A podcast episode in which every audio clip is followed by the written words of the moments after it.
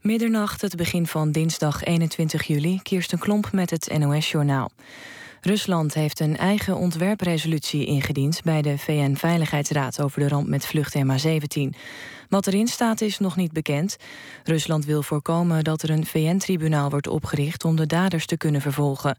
Onder meer Nederland wil zo'n tribunaal, maar Rusland heeft al laten weten daar niks voor te voelen. Volgens het land is er geen sprake van een bedreiging van de vrede en veiligheid, maar gaat het om een criminele actie waar de VN niet over gaat. In de eigen ontwerpresolutie zou Rusland wel pleiten voor een grotere rol van de VN bij het onderzoek naar de oorzaak van het neerstorten van de MH17. De landen van de Europese Unie zullen 32.500 bootvluchtelingen opvangen... die nu in Italië en Griekenland zitten. Nederland vangt, zoals eerder beloofd, 2047 mensen op. Dat is besloten in Brussel, waar de EU heeft vergaderd over de migranten... die voornamelijk via de Middellandse Zee naar Europa komen. Italië en Griekenland zeggen dat ze de toestroom niet alleen aankunnen.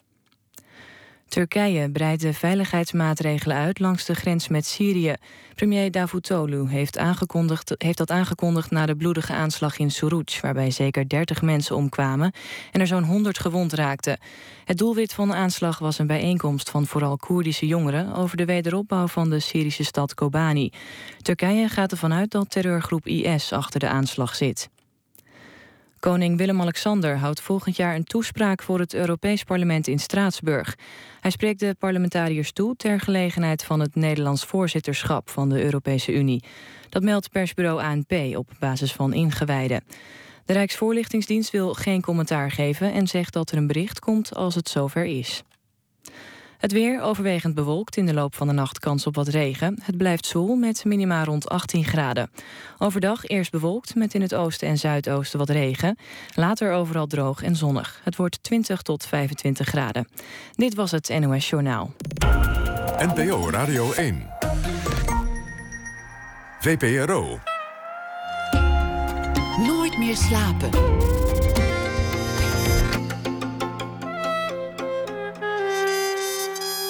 Met Pieter van der Wielen. Goedenacht en welkom bij Nooit meer slapen. Over de wijkende haargrens gaan we het hebben na één uur. Chris Baayema onderzoekt de vraag kaal of kammen. De onttakeling van een televisielegende, Bill Cosby. Daarover gaat het na ene. En Elfie Tromp schrijft deze week elke dag een verhaal dat ze zal voordragen. Ook na ene. Een beschouwing bij de voorbije dag.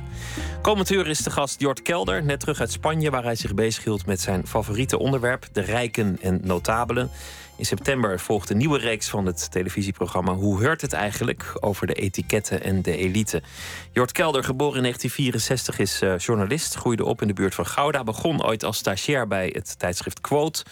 Klom in no time op tot hoofdredacteur van dat blad. Dacht in der tijd nog dat dat zijn laatste baan zou zijn. Dat liep anders. Inmiddels heeft hij heel veel tv gemaakt.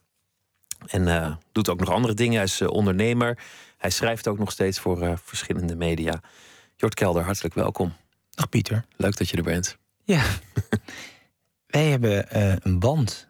Een zekere band. We moeten daar toch even over niks. beginnen. Moeten we daarvoor moeten toch over? Dat is zo dat lang is, geleden, We even de administratie afhandelen. Oké. Okay. Want ik, ik zei natuurlijk, ga je hierheen? Die Pieter van de Wielen, daar zou je toch overheen rijden? Ik zei, nou, nou, dat is zo een tijdje geleden hoor. Ja, wij uh, hebben ooit dezelfde vrouw aanbeden.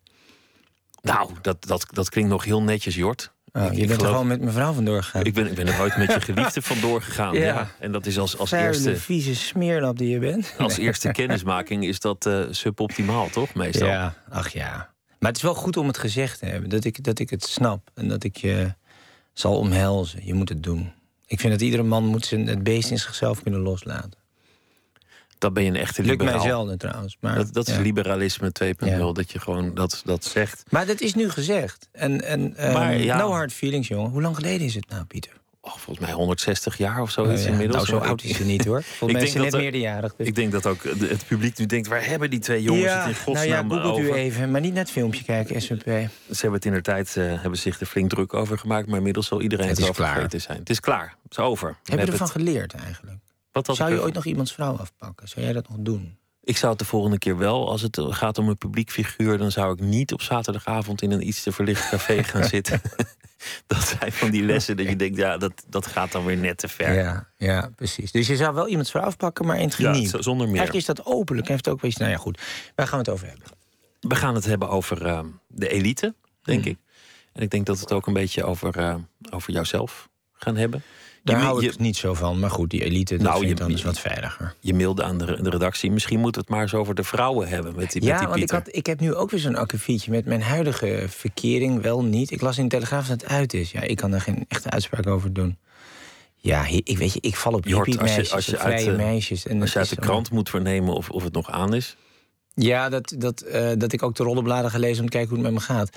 Ja, nee hoor, dat doen we dus niet. Nee joh, ben je gek. Maar, um, maar dat is wel... Ik had wel eerst toen... Dan heb je zo'n moment dat je denkt... ik moet het eens over die persoonlijke dingen hebben. Want ben ik nou de enige die dingen zo ziet?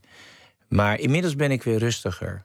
En ik, uh, ik ben uh, in vrede hier gekomen. Ik, ik ben daar eigenlijk wel benieuwd naar. Want je bent 51 jaar oud. Je hebt, je nee hebt, hoor, je hebt ben ik niet. Jawel? Ik ben 50. 50. Zo. Maar dat is wel erg genoeg dat je dat zegt. oh ja, je bent, je bent in september jarig. Je, bent, je wordt, ja, je wordt 51. Ja. Je, je, bent geslaagd in het leven. Je hebt, je hebt eigenlijk heel veel dingen die je ooit wilde bereiken. Je, je hebt een, een, mooie auto, je hebt een mooi huis, je hebt een, mooie carrière, je hebt een, een reputatie. Je, je bent geslaagd in. Vind ik heel ontzettend veel waarneming. Maar ja, ja. Nou, het is waar toch? En jij geeft om materiële dingen toch? Ik hoor het je zeggen, maar dat, jawel, nee, want ik hou wel van mooie spulletjes. Maar tegelijkertijd levert dat natuurlijk niet geluk op in, in die end. Dat weten we toch allemaal. Wat wel? Erkenning, uh, een mooie zin die iemand zich herinnert. Um, uh, een herinnering aan een grote liefde of aan een uh, vriendschap. Ik denk dat uiteindelijk zijn dat de blijvende dingen. Maar laten we zeggen, liefde, vriendschap, dat enige dingen, dat is leuk, maar dat kan iedereen beleven. Het verschil met deze 7 miljard mensen maak je natuurlijk door iets wat je schept je creëert, los van een afschuwelijke baby. Um, ik heb geen kinderen, maar een, een, boek en uh, dat. En dat, dat is nog niet van gekomen. Dus als jij zegt, je bent geslaagd, dan zeg ik, het zijn voetnoten. Dus het is nog niet bijzonder. Dus dat is eigenlijk een last die een beetje op jou drukt... dat je denkt van, goh, eigenlijk had er misschien wel iets groters in gezeten, wel, iets blijvenders. daar ben ik nou, en ik, ben ook, ik heb ook wel een soort eeuwig jong... Uh, nou, niet alleen imago, maar dat zit ook wel in mij. Ik ben niet heel wezenlijk anders dan tien of twintig jaar geleden. Uh, ik, ja, nee, er zit een brandende ambitie in om te scheppen. En ik vind dat ik dat de laatste jaren te weinig heb gedaan. Maar als je me vijf jaar geleden dat had gevraagd, had ik dat ook gezegd, overigens. Maar zit, zit er dan een soort hmm. onvrede in dat je het eigenlijk niet genoeg vindt, televisie? Ja, maar het is ook Calvinisme in mij. Dus ik, ik, ben, ik kom uit een, zo'n typisch Hollands milieu. Met, met ja, toch wel Calvinistische ouders, een beetje Spartaans ook.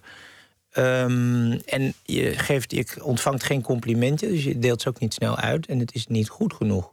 Nou, het is niet goed genoeg. Het is niet neerhalen, maar het is meer zo van... je mag niet zelfgenoegzaam zijn. Ja, dat heb ik wel, ja.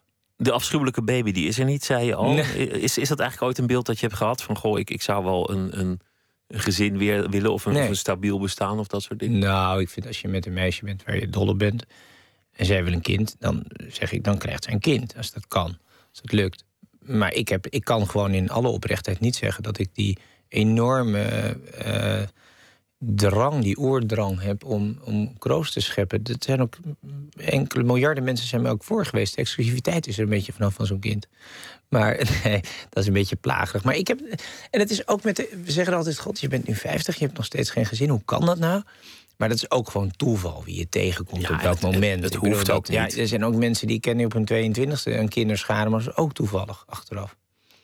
Het hoeft helemaal niet, laten we wel wezen. Ik denk zelfs sterker. Ik denk dat een een vrouw en een kind de grootste obstakels voor creatie zijn.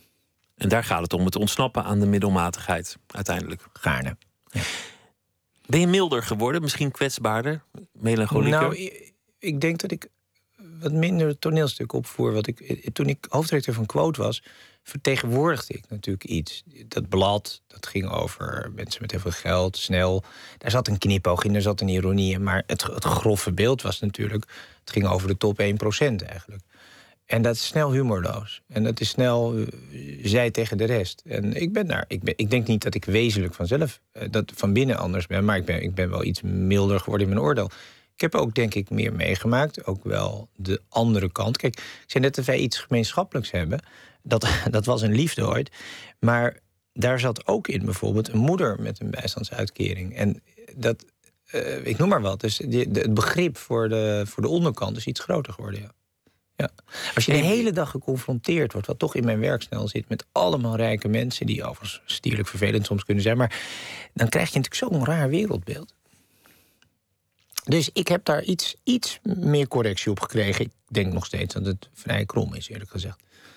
Maar je lijkt ook milder in de zin van dat, dat, iets wat bij jou hoort, is natuurlijk dat je, dat je geen blad voor de mond neemt. Dat je, dat je vrij. Uh, ja, maar de enkels wil ik nog graag aanpakken. Ik heb te weinig ruzie de laatste tijd. Ik, ik, ik, ik ben natuurlijk. Ik heb enige reputatie gekregen omdat ik zo'n zo nietsnut als een Moskovits neerhaalde, dat soort mensen. Maar dat zou ik graag toch wel wat vaker doen, ja. Ja, dus dat is niet veranderd. Dat, komt ook, dat is ook een domineetje. Oh nee, helemaal niet. Ik, ik vind juist heel vaak als ik met leeftijdsgenoten, studiegenoten van toen, dat daar, dat daar het engagement weg is, de boosheid weg is over bepaalde dingen. En ik, ik ben wel, ik heb ook wel een beetje een vingertje. Dat is eigenlijk heel zielig, dat je moet niet zo oordelen. Dat is een van de belangrijke dingen van ouder worden, is dat je minder oordeelt over anderen. Maar er zijn toch op, er zijn situaties waarin dingen zwart-wit zijn. Goed of fout. Praten je ouders eigenlijk ook uh, bekakt? Nee, dat, uh, dat valt eigenlijk. Uh, nou, mijn moeder die zegt laatst het heel weinig, die is overleden. Nee, ik kom uit een volkomen. Vind jij het heel bekakt? Nee, nee, maar je hebt, je hebt wel, je hebt wel een, een accent. Ik bedoel, ja, het is, dat is het is aangeleerd. Niet, Alles het is niet Rotterdam-Saarloos wat hier tegenover me zit. Dat komt ook. Ik hoorde jou net zeggen dat ik in de buurt van.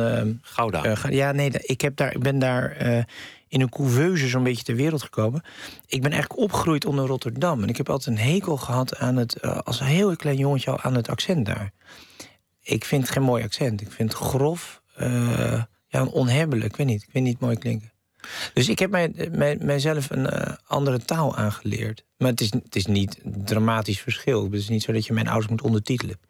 Maar je, omdat je eigenlijk alles wat je doet in je werk is altijd gegaan over de elite. Of het nou gaat over geld, over, over adel, over, over etiketten, over uh, kleding en spulletjes. Ja. Maar het verwende leven. Ja is het toch ook niet het, het verlangen van de parvenu die erbij wil horen. Volgens mij zit het toch anders. Ik wil er helemaal niet bij horen. Dat is juist het curieuze. Ik denk altijd dat ik dan ook uh, van adel wil zijn. Of dat ik dan ook heel rijk wil zijn en een Ferrari en een jacht en dan weet ik wat. Maar dat wil ik helemaal niet. Ik ben toch het jongetje die in verbazing, uh, soms in een lachspiegel kijkt, maar door een etalage naar een andere wereld kijkt. Ik, dat is, ik, ik wil er helemaal niet bij, maar ik ben een enorme loner. Dus als ik op al die feestjes en zo, dan vind ik het mooi om te zien hoe dat gaat. Maar ik wil er absoluut niet toe gerekend worden. Dat doen anderen natuurlijk wel. Het gek is, die, die, die kringen die ik portretteer, of dat nou dat nieuwe of dat oude geld is, die denken altijd, waar zit hij nou? Hij praat inderdaad, nee, hoe zit dat nou? En de andere mensen denken dat ik erbij maar niemand weet het precies. Misschien weet ik het zelf ook wel niet daar zit iets grappigs in. Aan de ene kant heb je een imago gecreëerd voor jezelf. Met, met enige zorg. Met, met je, met ja, je maar, dat, gaat, vind, nee, maar dat vind ik toch te bedacht. Dat is, dat is ook. Ik heb die pakken bijvoorbeeld. Dus door mijn je houdt gewoon van pakken, oké. Nee, maar ik heb even goede vriendjes. Heel goed vriendje, Ivo van Rechter Altena. Die, die ik tegenkwam bij Quote. Die had dit soort obsessies. En ik ben met hem boekjes gaan schrijven. En van de ene uh, triviale interesse komt de ander. Dus je, je gaat een bepaald spoor in. Uh, kijk, ik had politiek verslaggever willen worden toen ik uh, rechten studeerde. Als ik dat spoor had bewandeld, dan was ik misschien nu politicus geweest of nog steeds verslaggever, dat weet ik niet. Dat zijn toch toevallige dingen. Dat is niet een bedacht plan of zo. Was het maar zo. Dan had, ik, dan had, had er namelijk enige lijn in gezeten. Dit is toch toeval. Maar je bent, bent toch ook een beetje de, je eigen uitvinding? Ik, men zegt wel eens, je bent een merk. En dat ben ik trouwens ook letterlijk, ik ben ook te koop. Maar... Um, te huur? Nee, ik, ik, ik, ik, ik heb zo'n kledinglijn en zo. Dus daar hangt dan je naam in, wat oh. bizar is. Maar um, de... Ja, ik, ik heb dat ja, uitgevonden. Ja. Het, kijk, ik ben in de jaren negentig ben ik op televisie gekomen... omdat die hele snel geldcultuur opkwam. En ik werd het gezicht ik ging voor het eerst naar Sonja Baren bijvoorbeeld. Dan moest uitgelegd worden zo'n financiële affaire. Nick Leeson, die had een bank opgeblazen. Vonden we toen heel wat. Tegenwoordig is dat normaal. Maar, um, en toen ging het uit. En toen dacht ik, oké, dan doe ik mijn bretels aan. Die had ik al jaren om, toen ik nog niet bekend was. Krijtstreep pak. En dat gaat zijn eigen uh, leven leiden. Maar ik ben er ook op een gegeven ogenblik zo... rond de periode dat ik bij Quote wegging... misschien iets daarvoor, ook wel best ongelukkig van geworden. Want het wordt allemaal typecasting. Dus als je dan niet voldoet aan het beeld... Uh, wat mensen van je uh, gecreëerd hebben, dan worden ze onzeker. Dus als ik nu bijvoorbeeld een televisieprogramma wil maken over uh, geschiedkundig onderwerp of over politiek, of wat nou, politiek kan nog. Het is snel, nee, doe jij nu maar leuk je kunstje met al die rijke mensen. Want dat ben jij nu eenmaal. Dus je moet in de publiciteit moet je altijd erg in het vakje leven wat mensen je hebben toebedeeld. En dat is hoogst irritant. Zou je dat niet helemaal kunnen loslaten? Is dat verlangen er? Dat je gewoon zegt van nou, ik Nee, dat is er niet, dat verlangen. Nee, want je, zou kunnen zeggen, ik, ik ben een man met brede interesses. Ja. Laat mij maar geschiedenisprogramma ja, maken. Of, ga ik trouwens ook doen hoor. Ik ga waarschijnlijk een, een programma maken over... Maar dat is over zeeslagen en uh, veldslagen, dat soort dingen. Maar dat is dus wel een zijstap. Um, voor Nederland 2, NPO 2. Maar um, ik vind niet dat je... hoeft niet omdat de buitenwereld iets van je vindt... dan te denken, dan moet ik het gaan veranderen. Ik, dan, die drang moet van binnen komen, die heb ik niet. Ik ben ook vaak gevraagd om dus dit soort dingen... wat jij nu doet, hè? Dus gesprekjes met mensen aangaan... Uh, interviewprogramma's interesseert mij ook niet. Uh, wil ik niet. En, uh, dus er zijn heel veel dingen. Ik zou ook niet dagelijks um, op een, een Eva uit gaan hangen of zo. Ja, ik heb daar helemaal geen behoefte aan.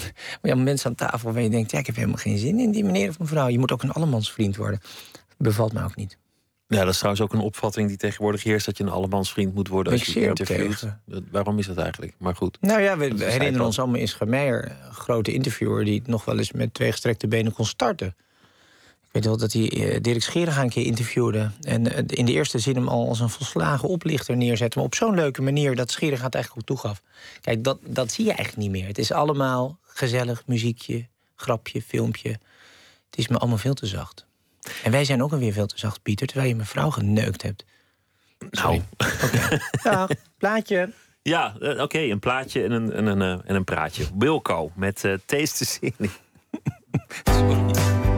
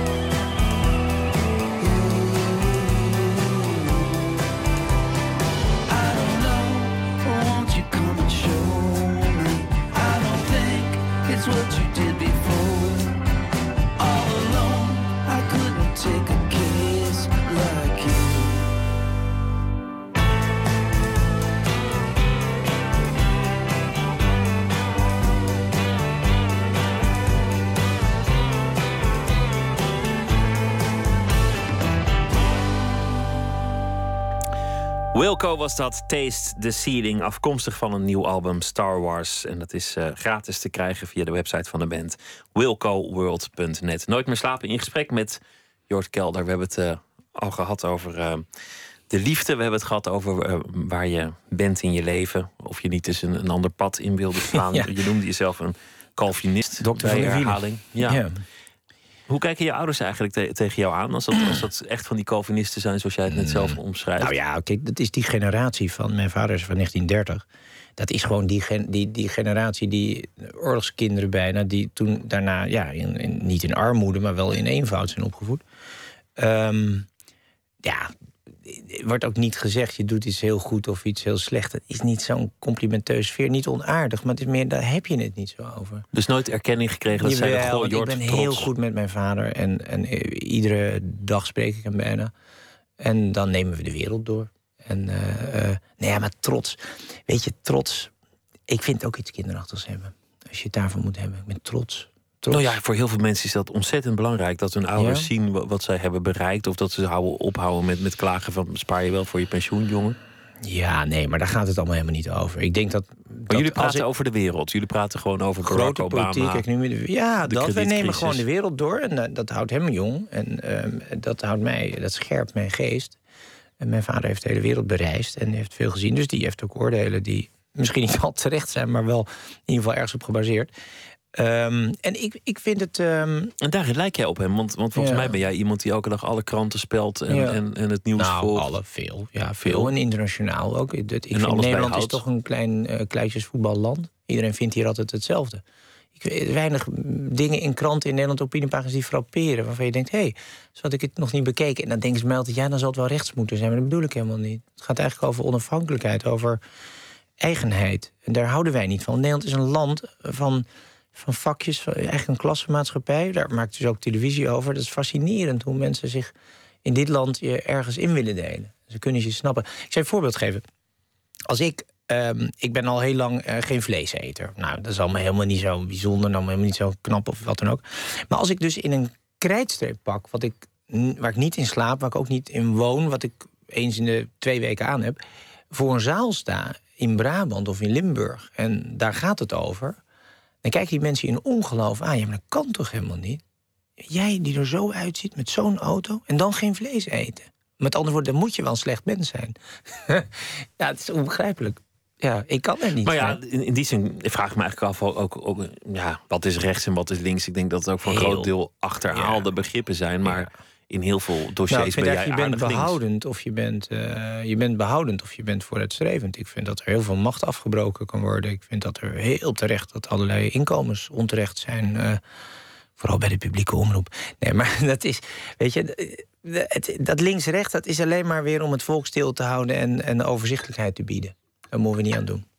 De elite, laten we het daar eens over hebben. Want dat, dat is op een zeker ogenblik jouw fascinatie geworden. Misschien in de tijd dat je bij Quote werkte, maar daarvoor wilde je al politiek verslaggever worden.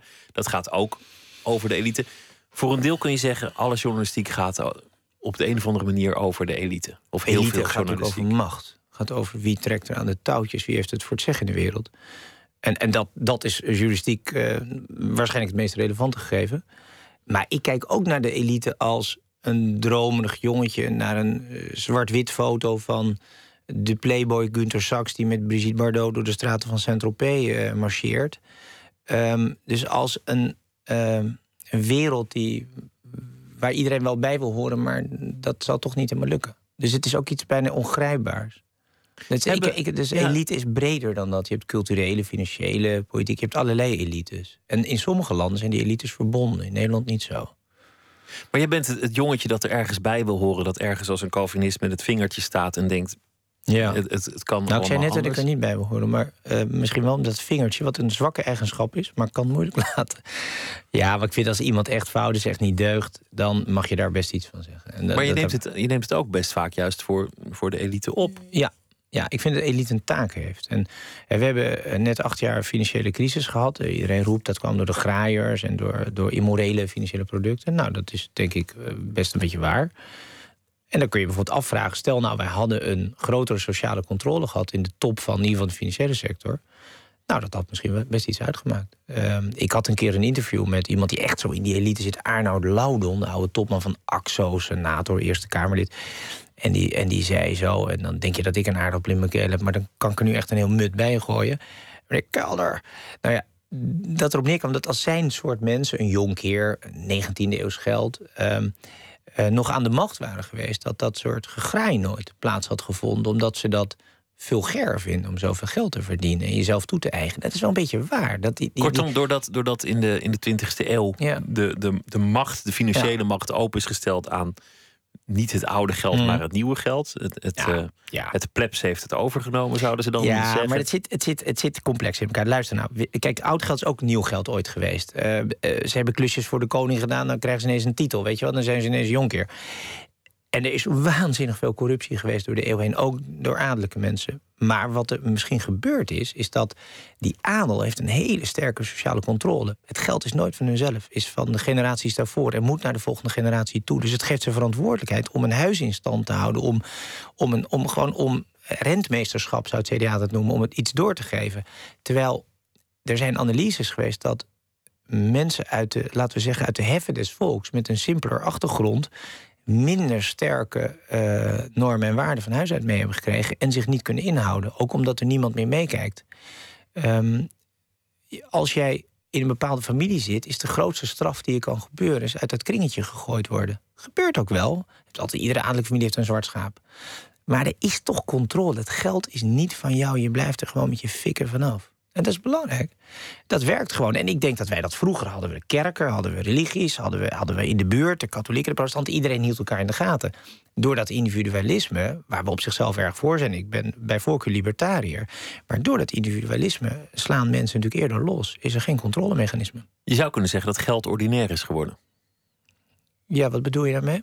Nou, dat, dat het, het hebben van veel geld, dat, dat eigenlijk leidt tot, tot blikken van, nou, het zal wel mis zijn. Zo, uh, nu, ja. ja. Je hebt iets uit te leggen. Als je meer dan wat of vermogen hebt, heb je iets uit, dan zou je het wel... Nou ja, er zijn natuurlijk wel uitspraken... achter ieder groot vermogen schuilt een grote misdaad. Balzac zei dat, ja, geloof ik. Maar, zeker, maar dat, dat zou... Dat, dat kan zijn, zeker in vroeger tijd. Uh, roofridders, noem maar op. Je kan allerlei voorbeelden noemen. Maar ik vind de... Um, geld is zichtbaarder geworden. Dat is het misschien. Ik zat van de week in. zei, ik, was, ik was in Spanje, ik was in, op Ibiza. Dan denken mensen: was je dan aan het dansen in een discotheek? Nee. Ik was eigenlijk een portret aan het maken van de oude Europese adel die daar ook komt, gedeeltelijk. En daar sprak ik met een hertogin, een Italiaans, Frans, Duitse hertogin. En die zei: Nou, vroeger in de jaren zeventig uh, hadden we echt, echt, we zouden het nu Playboys noemen, maar dat waren toen eigenlijk Prins Bernhard. Weet je wel, uh, we, we, kent niemand, grootste Playboy aller tijden. Uh, Gunther Sachs, hè, die met Brigitte Bardot trouwde, maar ook nog met zes anderen, geloof ik. Dat soort mannen, die hadden een bepaalde levensstijl. Dat was, had je heel veel geld voor nodig, maar het ging nooit over geld. Want als je daarover gaat praten, word je toch uit de kring gestoten. En dat komt weer omdat het vanzelfsprekend was dat iedereen het had. Dat is wel een beetje makkelijk, hè? Maar zo ging het wel. En nu is het toch laten zien hoe groot je huis, hoe lang je oprijlaan, hoe rood je Ferrari. Het is wel minder geworden hoor, sinds 2000. En minder hard voor de zaak. Want uiteindelijk, het begon rond de jaren 2000 met, met Enron en Parmalat en, en uh, Ahold en al die grote schandalen. Ja, maar dat zit vooral in het idee dat de, de, de overschatting van topmannen en vaak salarymen, dus niet ondernemers, maar mensen die ergens in loondienst zijn, dat ze denken dat zij het bedrijf zijn. Terwijl zij een bedrijf overnemen wat misschien wel 100 jaar of ouder is. Dat is niet van hun. En het idee, de, het, de totale zelfoverschatting, omdat ze in de krant lezen dat zo'n bedrijf heel veel geld waard wordt, zeggen ja, we zijn nu 100 miljard waard. Dan mag het toch ook wel 10 miljoen voor mij af. En dat is natuurlijk niet zo. Moet je je voorstellen, de minister van Financiën zegt: Ik heb bezuinigd, procent voor mezelf. Gebeurde overigens vroeger in de 17e eeuw wel hoor. Was gewoon, was gewoon een percentage. Piet Hein die beroofde de, de, de zilvervloot en iedereen kreeg ze buiten. Dus dat ging vroeger wel zo. Maar nu hoort dat niet meer zo. In Nederland hebben we eigenlijk een heel, heel vreemde elite. Want, want de adel zijn we vrij vroeg mee opgehouden. Om de eenvoudige reden dat we lange tijd geen koning hadden. En nou ja, we hebben daarna weer adel gekregen, jonkeren. Ja. Jonge adel heet dat. Ja, maar dit is, het speelt niet echt een grote rol nee, in Nederland. Maar wij zijn altijd een heel vlak land geweest. We zijn gelukkig een republiek geweest. Dat is een van de krachtige dingen uit de 17e eeuw... dat er helemaal niet zo'n groot hiërarchisch verschil was. Vonden ook buitenlandse reizigers in ons land vonden het altijd opvallend... hoe vrij de kinderen toen al werden opgevoed en hoe vrij men tegen elkaar sprak. Uh, dus weinig hiërarchie. Dat heeft ons denk ik, een enorme voorsprong in de wereld gegeven. Als handelsland ook. Als je de hele dag je plaats moet kennen, dan ga je ook niet de wereld verkennen. Um, maar die vlakheid werkt ook wel tegen ons op sommige punten, denk ik. Jawel. Want het zou goed zijn als we wat meer elite hadden in Nederland. Nou ja, eh, om te beginnen een verbinding tussen de financiële, politieke, culturele elite. Ik denk dat daar enorme tegenstellingen zijn. Um, ik denk dat ze dat bijvoorbeeld in Frankrijk wat beter gebonden hebben. Ook die, omdat die ze die snappen scholen elkaar hebben. gewoon niet. Ja, die hebben al daarom op dezelfde scholen gezeten. En dat hebben wij wat minder. En ehm, dus een verbinding van alles wat daar zo'n beetje boven hangt. En natuurlijk op basis van meritocratie, van iets kunnen. Maar er moet een soort moraal zijn. Dit zijn wij. Gewoon, laat ik je. Het gebrek aan trots. En niet trots. Ik zei net, mijn vader is misschien niet trots in die zin als woord. Maar het gebrek aan vechtlust voor bijvoorbeeld nationale belangen in Nederland. Dus er zijn een paar van die telegraaftypes die vechten voor de KLM. Maar dat had tien jaar geleden had dat moeten gebeuren in de politiek. En ook met een strategisch belang. Maar er is in Nederland, omdat iedereen zo individualistisch is, gebeuren dat soort dingen. Dus dat Nederland vinden we eigenlijk ook onbelangrijk. Het is een beetje kinderachtig als je Nederland als land belangrijk vindt. Hè. willen we ook wegcijferen in Europa laten opgaan.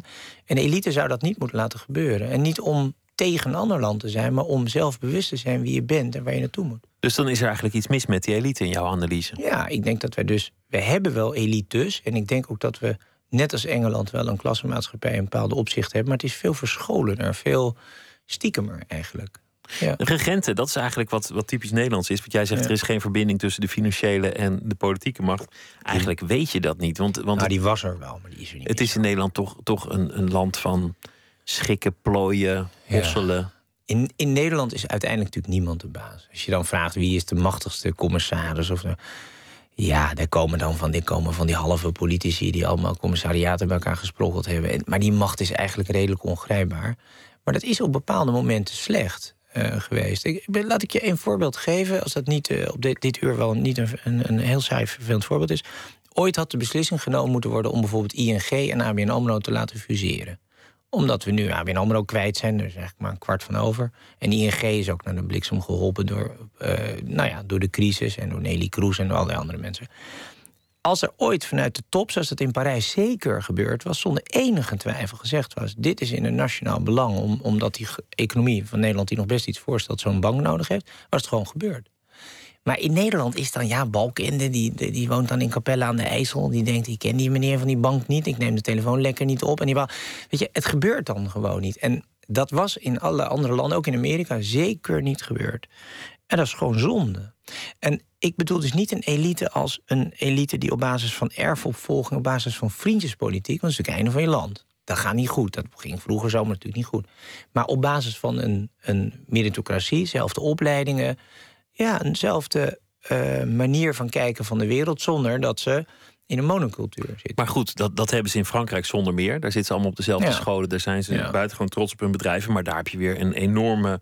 Ik zou ook niet uh, willen ruilen hoor. Reeks van, van schandalen en corruptie nou, daar en gaat het dus nepotisme. Dat, ja, nepotisme. Ja, dat, dat gaat dus te ver. Maar goed, betekent niet dat het dus ook meteen allemaal goed is. Maar een topschool als een ENA bijvoorbeeld, of een, of een polytechniek waar ze op hebben gezeten, dat is natuurlijk wel van een uitzonderlijk niveau. En als je in, we hebben aardige universiteiten, maar bij een 7 plus houdt het natuurlijk ook op. Dan moet je het naar Harvard of naar weet ik wat. Kan Kortom, misschien ook niet meer in zo'n klein Kortom, wat meer rentmeesterschap, hard voor de zaak en, en ja, een wat en dan, adellijker als je, instelling. Als je nou kijkt naar gewoon de grote bedrijven die wij in de jaren 80 nog hadden, en je kijkt gewoon naar de, dat heet dan de hoofdfondsen op de beurs, op de AIX. De helft is weg, een kwart is misschien wel failliet. Het is gewoon verdampt. En er is wel iets voor in de plaats gekomen, veel te weinig. Ik ben daar somber over. En dat, en dat komt echt door de managers die zichzelf uh, de baas waanden en het gewoon verkocht hebben van Duppie aan het buitenland. Dat is echt niet goed. Ik kan rijen bedrijven noemen. Het is echt verschrikkelijk. Je klinkt eigenlijk een beetje geïrriteerd over, over de, de elite en het geld. Een wereld waar je heel gefascineerd in Ja. bent gedoken. De, de, Ja. de, die film over Wall Street van Greed Ja. is Good, dat, dat was volgens mij jouw grote favoriet in der tijd. Als film wel, ja. ja. En dat, dat, ja, jij vond die wereld prachtig, maar geleidelijk na, Fascinerend verhaal, ja. na, na twintig jaar heb je, er, heb je er de buik van vol. Nee, dat vind ik niet. Nee, helemaal niet. Nee, het fascineert mij. Maar ik ben, ja, god, je merkt, ik ben gewoon fel in sommige dingen. Ik vind het belangrijk dat er gevochten wordt voor een doel. En, eh, maar ja, als je nou praat over, hoe hoort het eigenlijk, mijn programma over oud geld. Ja, daar zit natuurlijk veel meer mildheid in. Dat zijn gewoon oude families waarvan ik gewoon de familieverhalen mooi vind. Daar- zit ik de hele tijd met mensen aan tafel. Die spreek ik dan. En die, ja, die, die komen dan met een stamboom aanzetten. En dat begint gewoon in de derde kruistocht. Ja, ik vind dat mooi. Maar dat is gewoon geschiedenis. Maar het kapitalisme, want je bent altijd een, st- een sterk voorvechter ervan geweest. En, Vrije en- markt, ja. De Ja. vrije markt, je, je, je, je gelooft er fanatiek in.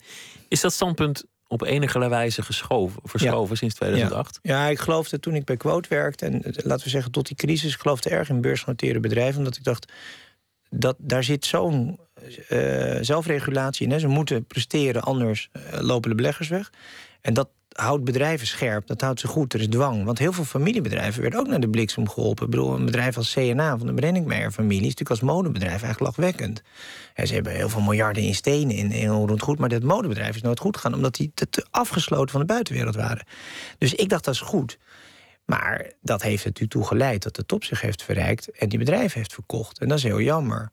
Maar het andere is, wat, wat ik ook jammer, daar ben ik wel in veranderd. Ik vind echt dat wij als samenleving een aantal nutsfuncties van onszelf moeten houden. Elektriciteitsbedrijven hadden nooit verkocht mogen worden. Uh, de NS wordt ook aan alle kanten uit elkaar getrokken. Maar dit is voortschrijdend inzicht, want dat, dat vond je in de tijd niet. Nou, ik vind, kijk, het water moet goed zijn, de stroom moet werken. Dat soort algemene voorzieningen. Maar tegelijkertijd speelt de overheid, de staat, een waanzinnig grote rol met allerlei subsidies en belastingen. In bijna alle sectoren die je kan bedenken in de maatschappij. En die is mij veel te groot. Maar je zou een paar basisdingen kunnen bedenken met z'n allen. Jongens, we willen niet dat er gedonderd wordt met die elektriciteit. Dat is van iedereen en dat moet goedkoop en goed gerund worden. Dat gaan we niet aan een Zweed of een Duitser of weet ik veel. Dat doen we gewoon niet. En dat hebben we allemaal gedaan.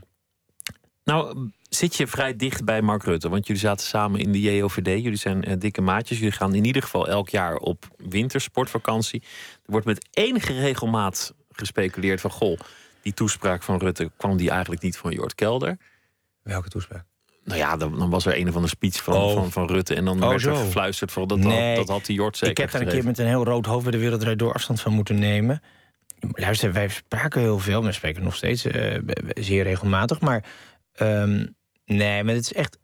Het, wij denken over best wat dingen hetzelfde. Maar ik heb, ik heb heel vroeger wel eens een slogentje of een dingetje bedacht. Maar dat was in de tijd dat hij dat die fractievoorzitter was of daarvoor. En schreef ik wel eens een stuk. Maar in de tijd dat hij minister-president... Welke slogan, weet je dat nog? Nou, toen dat groen rechts en zo, dat, dat oh ja, dat dingen. Was, maar dat, is geloof ik ook wel zijn ondergang meteen geworden, politiek. Dus sindsdien zeggen we nou eens een beetje rustig aan. Nee, maar kijk, hij praat met, die, die man die praat met zoveel mensen. En ik, kijk, ik word altijd als de beste vriend van gepercipieerd. Um, maar misschien heeft hij er wel dertig in die categorie. Dat hij kent heel veel mensen. En iedereen praat tegen hem, iedereen weet het beter. En ik heb de laatste jaren door die vriendschap die innig is, gezegd dat, dat moet niet tussen ons instaan. Dus dat heeft mij eigenlijk uh, zeer in de weg gezeten. En hem ook een beetje. Dus ik wil dat. dat wij praten eigenlijk minder over politiek dan vroeger. Dat, dat, ja, weet je, dan gaat het over actualiteit. En is het net of ik in een persconferentie zit. Voor hem en voor mij, dat wil ik niet. Dus dat stoppen we gewoon mee. Dus en, maar heb, jij, heb jij nog steeds enige um, zucht naar invloed? Nee. Op geen enkele nou, manier. Want je hebt, je hebt, overal mening over, dan wil, dan wil je ook dat die gehoord wordt. Ja, maar dan had ik politicus moeten worden. Dat, nou ja, dan kun je, je kunt natuurlijk als journalist en, eh, of televisie maken... kun je, kun je natuurlijk um, misschien wel meer invloed hebben dan, dan een gemiddeld Kamerlid. Dat kan. En dat wil ik ook wel. Maar luister, mijn werk nu. Ik maak een programma over oud geld. Ik geloof niet dat ik, uh, behalve het. het, uh, misschien kan ik de guillotine op het binnenhof plaatsen en alle adel onthoofden. Maar veel verder komt het natuurlijk niet, mijn invloed. Dus daar was ik over niet van plan. Maar um, nee, dat is, maar ik vind het ook een beetje. Volgens mij moet je gewoon nou dingen maken, je zei eh, eerder, verhalen maken die je interesseren... en dan moet je maar zien wat er gebeurt. Je zei eerder, ik wil iets maken dat iets creëren. Daar gaat het over in het bestaan. Iets, dat, iets dat blijft. En eigenlijk vind je van alles wat je gedaan hebt... dat het, dat het, dat het leuk is, maar dat het niet blijft. Waar, denk je aan? Nou, ik, heb het laatst, ik heb het laatst in een interview met Cornel Maas gezegd. Um, zeg maar één ding wat blijvend is. Dat is dat een, een huis dat ik heb laten bouwen... moet dan ook nog zeggen, want ik kan het niet metselen. Maar... Um, dat is eigenlijk het enige wat meer overleeft tot nog uh, tot nog toe. Op een van de eilanden? Ja, en, en dat is schitterend huisje hoor. Maar, Welk um, eiland was het ook alweer? Ter Schelling. En, uh, maar dat, dat, dat is, daar liggen heel veel stappen van mijn jeugd. Dus dat is ook puur romantiek eigenlijk. Maar, dat, maar dat is natuurlijk niet... Ik vind architectuur wel belangrijk. Maar dat, laten we zeggen, dat bedoel ik er natuurlijk niet mee. Maar wat, wat zou dat Ik beland al heel lang in. Nee, maar luister, ik ben natuurlijk met de omroep ook aan het praten... om los van hoe heurt het eigenlijk, wat een heerlijk programma is dat ik nog lang wil doen. Maar om daarnaast over NPO 2 uh, gewoon meer inhoudelijk journalistieke televisie te maken over economie, over geschiedenis. En dat gaat gebeuren. Dat gaat gewoon gebeuren. Maar, maar toch televisie, niet, niet, niet een groot boek of een. Nee, ik ben, ik ben. En daarom dacht ik ook, praat met jou eens door over de elite. Misschien krijgt het nieuwe, krijg ik dan ook nieuwe inzichten. Dus je hebt nog een half uur, Pieter, nog een kwartier. Je hebt toch geen nieuw inzicht ehm, gehoord? Nee. nee. Um, ik denk dat ik wel daar, dat daar wel een boekonderwerp voor mij zo langzamerhand in zit, ja.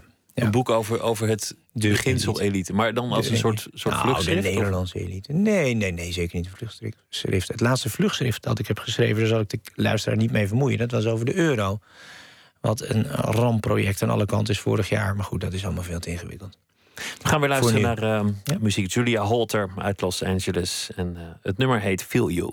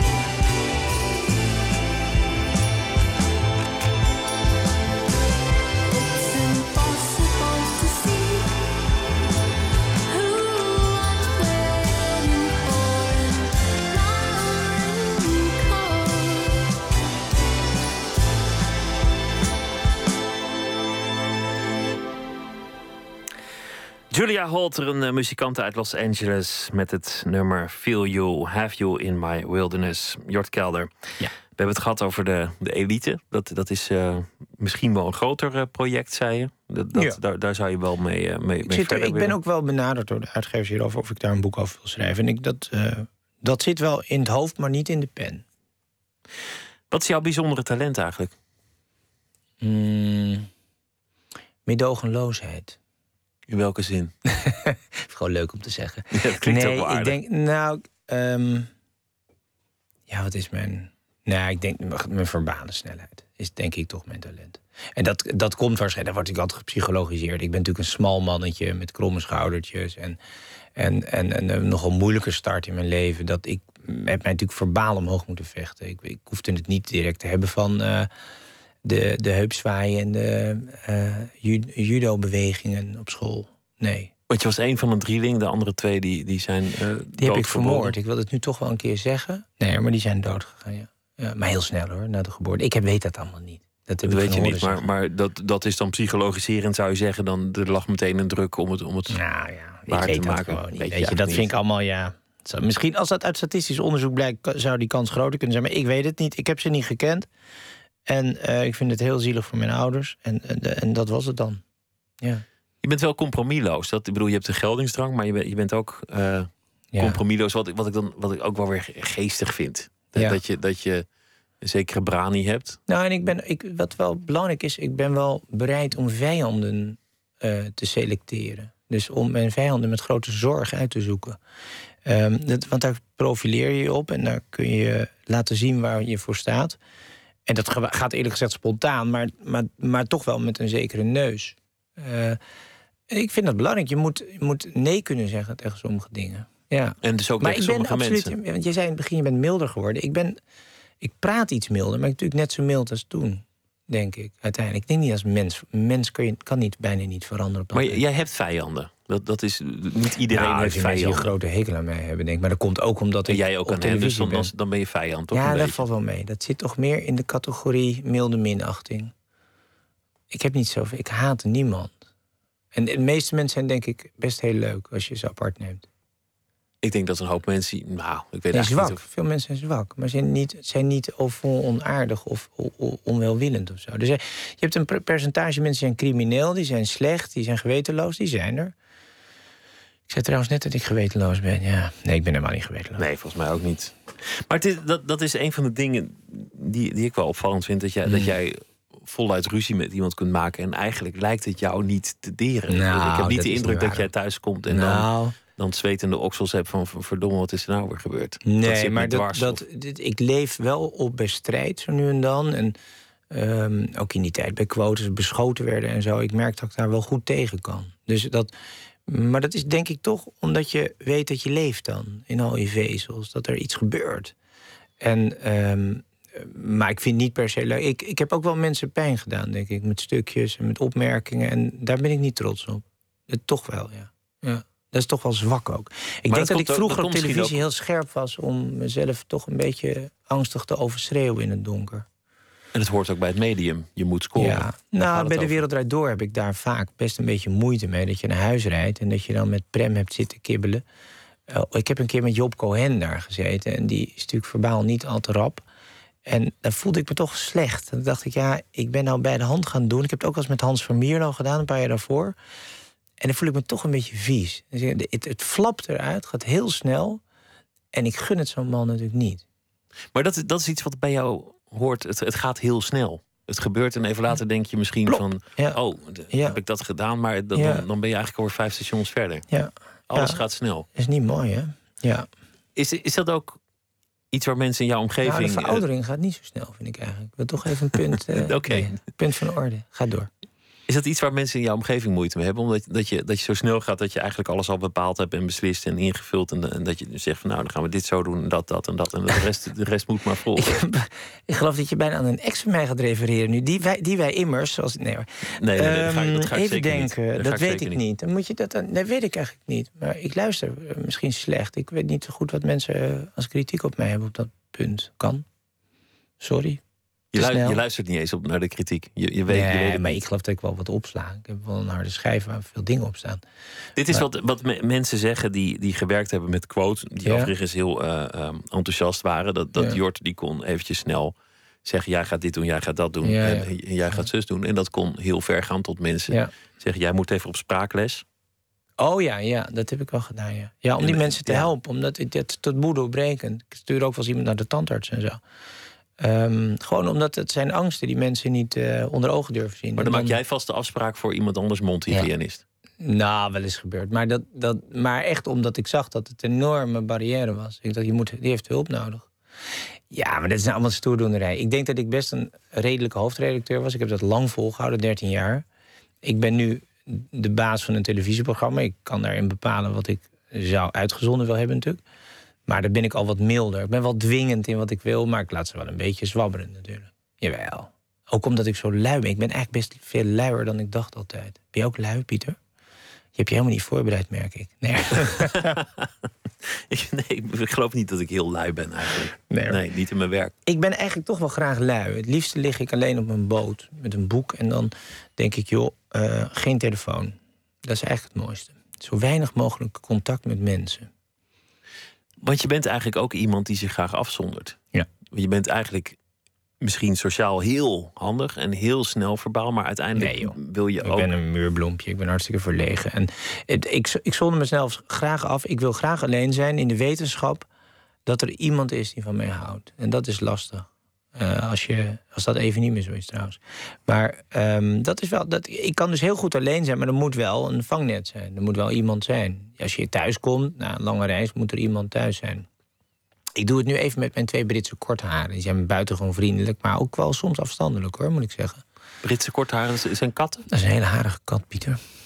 Dat wist ik niet. Dat is, dat is een elite kat, zeg maar. Niet, niet de gewone vuilnisbakkerkat van, van de Nou, het is wel een gedegenereerde kat, als je dat bedoelt. Het is wel een domme kat. Maar goed, ga door. ik zit nou, ik vind, plagen, nee, nee, ik, vind, ik vind het heel interessant eigenlijk, wat, je, wat je zegt. Om, omdat ja, bij alles wat je zegt, zeg je aan de ene kant. Ik neem het meteen weer terug. Hè? Je, nou, je, je neemt het terug, je bent wel tevreden, maar ergens leg je ook steeds druk op jezelf. Maar als het erop aankomt, denk je ook weer van ja, ach, weet je, laat zitten, waar heb ik het eigenlijk over? Nee, maar dat. dat uh... Nou, dat weet ik eigenlijk niet. Dat moeten de luisteraars beoordelen. Ik, ik, ik, kom de dagen goed door, met, vooral met e-mailen en uh, met belletjes en zo. En uh, ik, ik hoop dat ik een groot project uh, uh, een documentaire, een tv-serie kan gaan maken, een boek kan schrijven waar ik in ieder geval een paar mensen blij mee maak, en vooral mezelf, waarin een paar onvergetelijk mooie zinnetjes staan. Dat is eigenlijk de doelstelling. Want wij hebben een vak. Kijk, ik ben een stukje als opstelletje schrijver op school begonnen.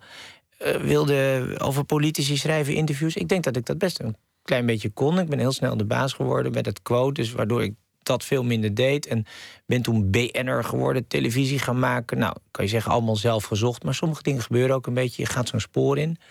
Maar uiteindelijk is ons vak die ene mooie lopende zin. En, en of een, zoals een fotograaf een hele mooie onvergetelijke foto wil maken. En niet de hele dag e-mailen met allemaal mensen die iets van je willen. Ja, maar uiteindelijk, uiteindelijk, ik vind het wel interessant dat je net zegt van Ehm, wat, wat zei je ook weer? Eh, dat, dat je je onzekerheid maar overschreeuwde? Ja, dat had ik zeker. Had ik zeker ja. Ja. Nou, Wereldrijd Door veel eerder nog daarvoor. Omdat, Wereldrijd Door een beetje ik, ik, associeer jou helemaal niet met, met onzekerheid. Nee, maar vroeger. vroeger. En ik, uh, mijn ademhaling was ook niet goed. Dus als je mij in de jaren negentig ziet... Ik heb, uh, ik heb een serie voor de VPRO mogen maken... en dat was het idee, het snelle geld heette dat... dat ik ook naar mijn jeugd ging. Dat was voor de VPRO vooral om aan te tonen hoe fout ik toen was. Nou, prima. Maar dan zie je jezelf, of je hoort jezelf... Uh, op radioopnames van twintig jaar geleden of zo... Dat was, wel, dat was niet best hoor. Ik heb dus ook alle archieven proberen te wissen. De mensen die dit weten, uiteraard uit de weg geruimd. Nee, dat is niet goed. Dus je leert daar wel in. En, en ik denk dat een van de belangrijke dingen van ouder worden is dat je. Heel, het is heel belangrijk dat je ontdekt waar je echte talent zit. Je vroeg het net al. En dat je al die andere dingen waar je niet zo goed in bent, niet de hele tijd probeert te verbeteren, maar dat je die gewoon laat zitten. Ik, ik, ik, ik wil, ik ben een slecht acteur. Hoewel mijn leven één groot toneelstuk is. En je bent als de dood, als de dood voor middelmatigheid. Ja. ja, en als ik dus een matige acteur zou zijn...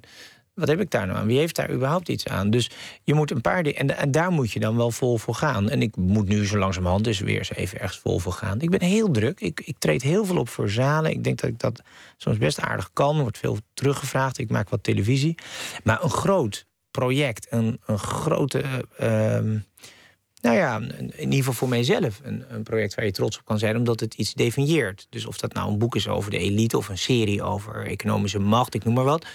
Ja, dat is gewoon relevant. Heb en veel meer zal het ook nooit worden. Want ik, als ik hier tien jaar geleden had gezeten, was je een hele riedel gaan ophouden wanneer ik de politiek inging. Omdat ik dat een keer in een interview zei. Omdat ik dan inderdaad wat vriendjes heb die daarin zitten. Maar dat, dat is nou een van die dingen waarvan ik denk, dat moet je dus niet doen. Want dan zit je op die Tweede Kamer als een van de 150. Ik ben neem aan dat ik nog wel zo'n zetel zou binnen kunnen trekken als je kandidaat wordt. Maar dat, daar zijn toch andere mensen beter in. Maar eigenlijk, als ik je zo hoor, denk ik, Jort weet het even niet. Nee hoor, dat is niet waar. Want daar, daar zit echt. Daar is echt. Uh, daar lopen genoeg. Nee, ik weet het echt heel goed. Alleen er is te veel te kiezen. Ja, dus ik kan een serie maken, ik kan een boek schrijven, ik kan allerlei andere mensen uh, aanvuren. Uh, nee, ik, ik, kan, ik kan 120 uur per week werken. Dat is geen enkel probleem. Heb je een beeld van jezelf als oude man? Nee, ik had echt gehoopt dat ik geen 50 zou worden. Um, en ook wel verwacht trouwens. Um, Nee, dat, het, ik, nee, ik ben niet zo bang voor eenzaamheid, alleenigheid, uh, kinderloos aan mijn einde komen. Ik heb een mooi beeld. Dat een van de mooiere eindes is die van. Ik noemde net al de naam, de luisteraar zal niet weten wie ik het heb. Is van Porfirio Rubirosa. De, de, dat was ooit eh, genoemd de grootste playboy aller tijden, omdat hij nogal apart geschapen was. En daar verluid 5000 vrouwen blij gemaakt heeft. En ook zichzelf. En die man besloot na een feestje um, in Parijs in zijn Ferrari te stappen in 1965. En die is in de ochtendspits, um, uiteraard in zijn smoking, uh, tegen een boom in de Bologne geëindigd. Ik vind dat wel een glorieus einde. Ja, dat meen en, ik. Maar het, het gaat Gunther Sachs, een ander, die, die heeft zichzelf door zijn kop geschoten toen hij ziek werd. Ik vind dat eigenlijk beter dan in zo'n ziekenhuisbed. Ik weet niet of ik het durf. Ik weet niet of het heel snel aan de orde is, maar dat is beter. Ja. En dan, dan een, een bestaan dat dingen nalaten. Dat zei je dat heel belangrijk was. Maar ook een bestaan van, van pret. Ja, tuurlijk. En dan uiteindelijk dit. Denk je, denk je eigenlijk dat je, dat je ooit echt hebt durven kiezen? Nee, ik denk dat ik uh, niet heel erg gekozen heb. Maar ik denk dat dat een journalistieke tik is. Journalisten zijn van natuurlijk. Ik ben, ik ben, je kan mij roepen presentator of uh. Je kan van alles eraan hangen. Maar ik ben natuurlijk in essentie een journalist. En een journalist is toch iemand die te laf is om te kiezen. Die oordeelt graag, maar die zet niet altijd strepen. Nee, dat is waar. Dat is, een, dat is een zwakte van ons. Ook in je persoonlijk leven denk ik dat dat wel gespeeld ja, heeft. Die angst voor de, middelmatigheid. De meisjes en de dingen, dat zal allemaal wel. Maar dat, dat, dat is een beetje geïnterpreteerd. Want dat is ook maar net over welke steen je struikelt. Dat, dat, nee. Ik had, ik had, kijk, de kans dat ik nu met... Uh, um, dat ik met kinderen in Almere ergens met een vrouw was is, die is inderdaad niet heel groot. Nee, dat, dat ben ik uit de weg gegaan. Dat kan ik wel toegeven, ja. Is ook verstandig, denk ik, om dat uit de weg te gaan. Ja, ik, uiteraard, ik ben dol op jullie hoor, in Almere. Daar gaat het niet om. Maar ik ben wel blij dat jullie er wonen en ik niet. In september gaat het, uh, komt die nieuwe serie Hoe Heurt het uh, eigenlijk? Ja. Heeft hij eigenlijk een apart thema uh, ten opzichte van, van de Nou, we gaan wat meer naar moderne... Kijk, dat etiket is een heel klein onderwerp. Dat is maar een onderdeeltje ervan. Omdat die, die titel gebaseerd is op dat boek van Amy Groskamp ten Haven van voor de oorlog nog. Voor de oorlog. Um, het is iets meer naar moderne etiketten. Het is bijvoorbeeld een enorme ergernis bij mensen dat tegenwoordig een gesprek in een restaurant is nooit met z'n twee of met z'n vieren. Maar er zit, je kijkt meestal naar een kruin van iemand, omdat hij zijn mobieltjes aan het checken is. Of uh, de hele etiketten met uh, WhatsApp, met, met uh, sms. Gewoon moderne verkeer. Wij krijgen dus veel vragen als redactie van ja, hoe moet dat nu? Wat moeten we daar nu? Opnemen, moeten we daar een nieuw revij tegen starten? Ik denk wel dat dat goed is. Want ik was van de week op, op een van die feestjes in Ibiza, of op Ibiza. Um, en dat was zo laag tussen de rotsen. En dat speelde zich op Ibiza-ritme af. Dat begon om 12 uur, 1 uur s'nachts. En dat ging zo door tot licht werd. En wij zeiden op een gegeven moment als cameraploeg tegen elkaar... het is grappig, we staan hier al uren. Ik heb eigenlijk niemand met een telefoon gezien. Achteraf bleek dat het voornamelijk omdat de ontvangst daar zo slecht was. Maar dat is een heilzame uh, ervaring. Want mensen hebben weer gesprekken met elkaar en dansen en doen. En in plaats van die rottige telefoon. Of, of er iets anders leuker is. Ik in, een van de, in een van de vorige series noemde je het proletenbestek. Dat vond ik wel een heel mooi woord. Plebsbestek, ja, proletenbestek. Dus dat je hem op tafel gooit. Daar hebben de Amerikanen trouwens een goede oplossing voor. Dan moet je, als je dus met vier mensen aan tafel zit... moet iedereen zijn mobieltje op een stapeltje leggen. En degene, als er eentje afgaat, degene die hem het eerste pakt betaalt de rekening voor iedereen. Nou, dat helpt wel. Je kan hem ook gewoon uitzetten hoor. Maar dat is natuurlijk voor die traders op Wall Street. Je hebt ook restaurants waar je hem gewoon inlevert tegenwoordig. En je hebt volgens mij tegenwoordig techniek waarbij ze het kunnen, uh, waarbij ze frequentie kunnen storen. Ook mooi. Dus ik ben in hotels geweest, waar, maar dat was dan wel op afgelegen eilanden... waar het gegarandeerd was uh, dat er geen ontvangst was. En die vrouwen van al die veel te bezette mannen... die gingen daar heel graag heen, ik kon die niet bellen. het was, uh, was leuk dat je te gast was. Dank je wel, Dank je wel, Pieter. En heel veel uh, plezier. Zometeen gaan we verder met Nooit meer slapen. Met heel veel andere dingen. Twitter, @vpro_nms of de mail nooitmeerslapen.vpro.nl.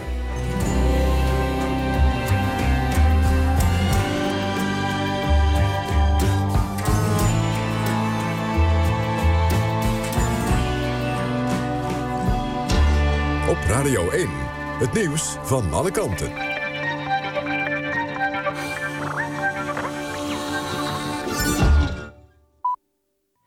1 uur, Kirsten Klomp met het NOS-journaal. In Burundi is het de avond voor de presidentsverkiezingen onrustig. In de hoofdstad Bujumbura zijn explosies en geweerschoten gehoord. Er is veel onrust in het land omdat zittend president Nkurunziza een derde termijn wil. Tegenstanders protesteren daartegen omdat volgens de grondwet een president maximaal twee termijnen mag aanblijven. Toen het in april bekend werd, brak er al geweld uit en vielen er tientallen doden. De oppositie heeft opgeroepen de verkiezingen van vandaag te boycotten. Rusland heeft een eigen ontwerpresolutie ingediend bij de VN-veiligheidsraad over de neergehaalde vlucht MH17. Wat erin staat is nog onbekend. Rusland wil voorkomen dat er een VN-tribunaal wordt opgericht om de daders van de aanslag te kunnen vervolgen. Onder meer Nederland wil graag zo'n tribunaal. In de ontwerpresolutie van Rusland zou wel staan dat ze een grotere rol van de VN willen bij het onderzoek naar de oorzaak van de MH17-crash. Turkije breidt de veiligheidsmaatregelen uit aan de grens met Syrië. Premier Davutoglu heeft dat aangekondigd na de bloedige aanslag in Suruc... waarbij zeker 30 mensen omkwamen en er zo'n 100 gewond raakten. Het doelwit van de aanslag was een bijeenkomst van vooral Koerdische jongeren... over de wederopbouw van de Syrische stad Kobani. Turkije gaat ervan uit dat terreurgroep IS achter de aanslag zit. De man die eind januari het NOS-gebouw binnendrong en een bewaker bedreigde, gaat in beroep tegen de straf die hij daarvoor kreeg. Tariq Z werd veroordeeld tot 2,5 jaar cel, waarvan 15 maanden voorwaardelijk. Hij kreeg die straf voor gijzeling, bedreiging en verboden wapenbezit. Zijn advocaat zegt dat gijzeling niet bewezen is. Ook het OM gaat in beroep omdat het de straf te laag vindt. Het weer in de loop van de nacht kans op wat regen. Het blijft zwoel met minima rond 18 graden.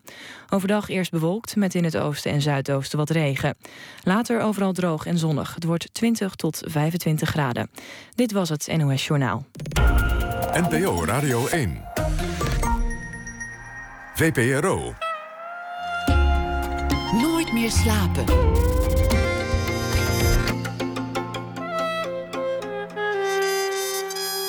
Met Pieter van der Wielen. Goedenacht, u luistert naar Nooit meer slapen. De kapper zei dat hij uh, dunner haar kreeg en hij moest aan de pillen en de sprays. De aanleiding voor een documentaire van Chris Baayema over de wereld van de wijkende haargrens. Zometeen zijn bevindingen. Kaal of kammen is de titel. We gaan uh, het ook hebben over Bill Cosby. Een uh, legende die onkreukbaar werd gewaand. En het demasqué gaat alsmaar verder. Maar allereerst uh, Elfie Tromp. Zij is schrijver, presentator en maakt theater. In 2013 maakte zij de roman Guru. Tweede roman heet Underdog. En die staat gepland voor het najaar. Deze week zal ze elke nacht een verhaal schrijven over de afgelopen dag. Elfie, goeienacht. Goeienacht. Vertel, wat, wat voor dag is het geweest vandaag? Oh, um, nou, ik hoorde dat jullie het ook over Bill Cosby gingen hebben. En uh, ik ook. Ik, uh, ik zie een trend uh, waarbij mannen met macht worden gestraft voor hun seksuele uitspattingen. en ehm, in 2005 was hij al geïnterviewd um, door de politie. en dat rapport is nu door de New York Times geparafraseerd. En dat, uh, daar ben ik de dag mee begonnen. En toen dacht ik, uh, het is wel mooi, uh, mijn achtergrond is toneelschrijven natuurlijk. En toen dacht ik, ik ga deze week elke week of elke dag een monoloog schrijven. vanuit iemand in het nieuws. Ik ben benieuwd naar het verhaal en de monoloog. Ga je gang. Oké. Dus Bill Cosby is aan het woord. Mensen weten niet hoe het voor mij was. Ik ben jong. Als ik zit, voel ik hem schuren. Als ik loop, dan zwiert hij mee. Als ik het warm heb, dan zweet hij. Ik zie hem vaak. Ik slaap naakt. Elke keer als ik naar de wc ga, houd ik hem vast. Mijn handen ruiken vaak naar hem. Met die handen schud ik andere handen. Zachte handen, schone handen, vieze handen. Die ruiken dan ook naar hem. Ik lach erbij, want ik heb een goede lach. En verdomme, ik ben een positief mens. Ook al geloof je dat niet meer. Noem je me nu een hypocriet. Maar ik heb je laten lachen. Ik heb je laten dromen. Ik ben een goed mens. Je weet dat ik een groot hart heb. Zo groot als de natie. Maar ik ben meer. Ik ben gul. Ik kan goed koken. Ik dans graag. En ja, ik heb een grote seksdrive. Te groot voor één vrouw. Maar ik heb Camille nooit belast. Haar altijd alles gegeven. Een rode jurk met kraanvogels erop. Druppelvormige diamanten oorstekers. Kinderen. En het beste van mezelf. Ik kan zonder twijfel zeggen dat zij het beste van mij heeft gekregen. Omdat ik voor mijzelf zorgde. Wat ik nodig had, dat nam ik. Stel dat de president elke dag lamskoteletjes eet. Dan zeg je toch ook niet... Wat zielig voor die diertjes. Grote geesten moeten gevoed worden. En overal waar ik kwam, dartelden de lammetjes. Die wilde Camille zijn. Maar ik ben mijn vrouw nooit ontrouw geweest. Althans, niet geestelijk. Ik geloof in het huwelijk. Ik deed gewoon mijn ding. Nu ben ik oud. Hij valt me niet meer lastig. Hij trekt zich terug. Ik vind het prima zo. Camille vindt het prima zo. Maar de lammetjes, die zijn wolven geworden. Geldwolven. Tot zover. Over een man met macht en uh, wat hem uh, toekomt. Jij ziet het eigenlijk in een, in een breder uh, beeld, Cosby. Het is niet alleen het demasqué van, van Cosby, maar je ziet overal hoge heren vallen. Um, ja, nou in die zin uh, uh, vind ik het interessant. Ik zag ook een tijdje terug die documentaire India's Daughters... over die groepsverkrachting van dat meisje dat haar fataal is in een busje dat langs de ring reed. En een van de verkrachters werd toen ook geïnterviewd en die zei... ja, jullie kunnen ons nu wel de doodstraf geven, maar dan wordt het alleen maar erger... want dan zullen we ze ook vermoorden nadat ze het hebben gedaan. Um, dus het totale um, ik denk, uh, um, ja, het normaal vinden dat, dat, dat wat ze nodig hebben, dat ze dat uh, krijgen. Net zoals als je honger en dorst hebt, ja, maar dan eet je en drink je toch. Uh, en ik denk, die, man, die mannen worden nu één voor één berecht, ook uh, Strauss-Kamer bijvoorbeeld, maar die zullen nooit echt berouw hebben. Die zullen nooit het berouw hebben wat je zo verlangt. Uh, die zullen gestraft worden en dat zelf zien als, als onrecht. Het is ook het afrekenen met een tijd. Omdat dat heel veel van, van wat Cosby nu verweten wordt zich afspeelde in de jaren 70 en 80. En omdat heel veel wat met die andere schandalen speelt ook gaat eigenlijk over andere periodes. Ja, speelt dat een rol? Leven we in een andere tijd waarin we dat niet meer pikken en rekenen we af met het verleden? Nee, ik heb het idee dat, dat, dat we in de, zeker ook in de Nederlandse maatschappij nu uh, uh, veel meer de basis van onze morele waarden nu um, gaan uh, bespreekbaar maken. Dus we, waren, we waren decennia lang in de veronderstelling dat er geen racisme was. Maar uh, zodra we het over Zwarte Piet hebben, dan vlamt dat enorm op. Of nu onlangs met die jongen die helaas door de politie geweld is omgekomen. Um, dan wordt daar meteen een, een racisme-debat aan, aan, geplakt. En, en hetzelfde gaat nu ook over ja, seksueel daderschap. En dat vind ik heel interessant. Bill Cosby, ik uh, ben benieuwd waar het uh, naartoe gaat met, uh, met deze zaak. Ik denk dat hij heel berooid achterblijft, want het enige wat hij kan doen is betalen. Dus vandaar de geldwolven. De lammetjes zijn geldwolven geworden. Een triest einde van een buitengewoon succesvolle, spectaculaire carrière. Elfie, dankjewel. Morgen weer een verhaal en voor nu een hele goede nacht. Jij ook. Doei. De Schotse singer-songwriter Rachel Sermani heeft een nieuw album. Tied to the Moon is daarvan de titel. Het nummer heet Banks Are Broken. At the kiss of the tide, won't you lay by my side? Feel it turning. Instead of dwelling on our death, won't you come and share my breath? Feel it burning.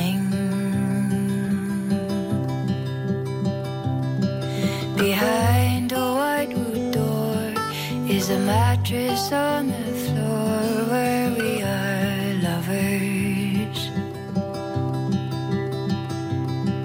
Tonight is the last time I get to hold you fast and fast go the hours. The river does not wait, though we throw rocks to dam our fate. The banks have been broken. The banks.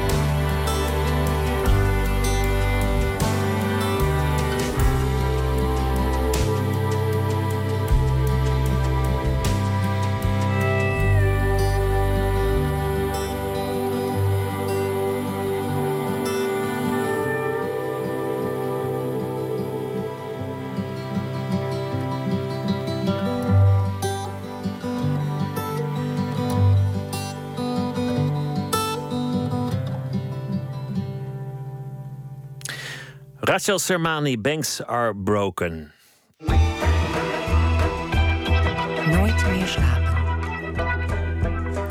De kapper van eh, Chris Baayema, documentairemaker, vertelde hem bij het bezoek dat het tijd was om iets te doen aan de naderende kaalheid. Het zou logisch zijn om wat met pillen te gaan doen of om een uh, spray te vragen. Maar is dat eigenlijk wel zo logisch? Hij laat zich voorlichten en dompelt zich onder in de wereld van de terugtrekkende haargrens. Hier is Chris Baayema. Het begon denk ik zes weken geleden. Toen mijn kapper mijn haar eens goed ging bekijken en beschrijven.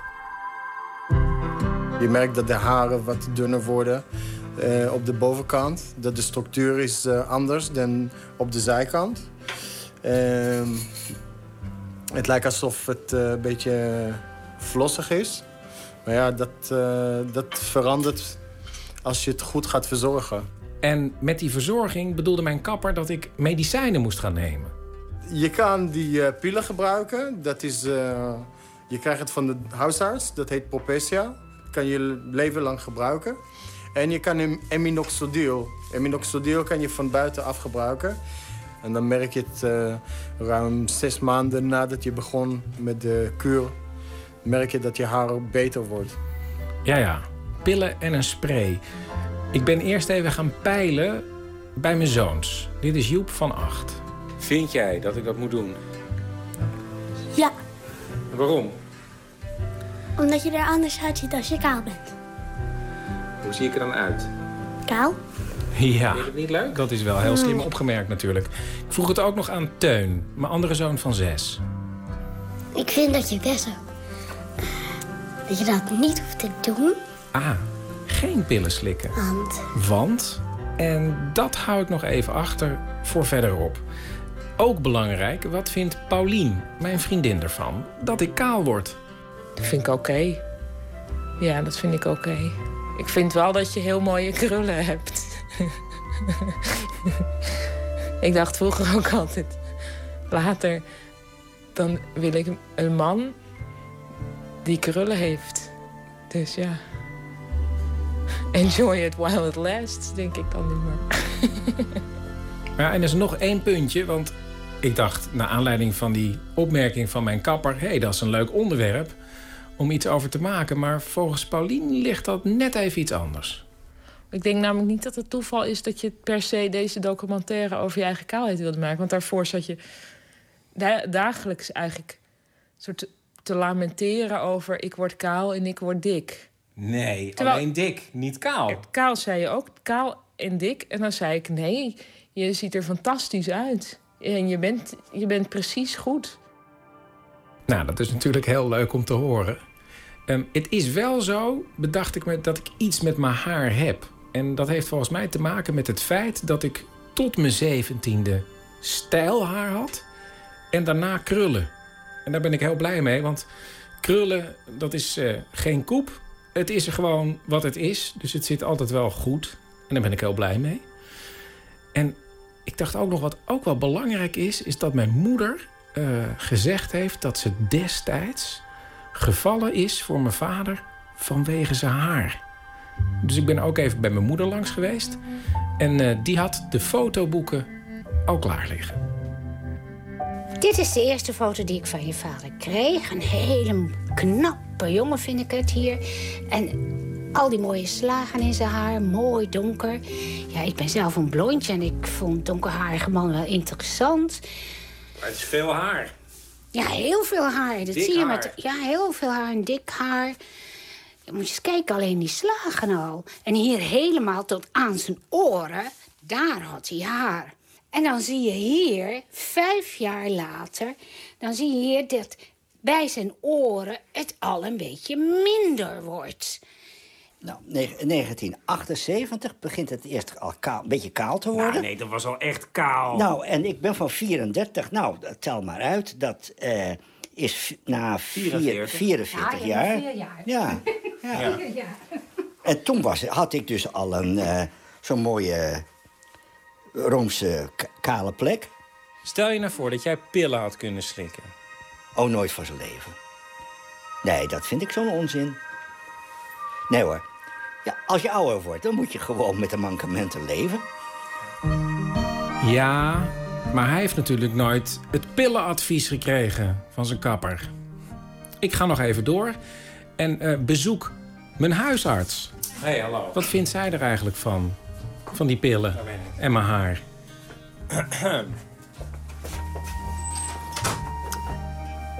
Ik zie hier inderdaad een wat, nou, voorzichtig wat, wat dunner wordende kalende kruin. En als ik dan in de, in de hoeken kijk, ja, nou, die, die trekken inderdaad iets op. Het is een cosmetisch probleem, zeg ik dan.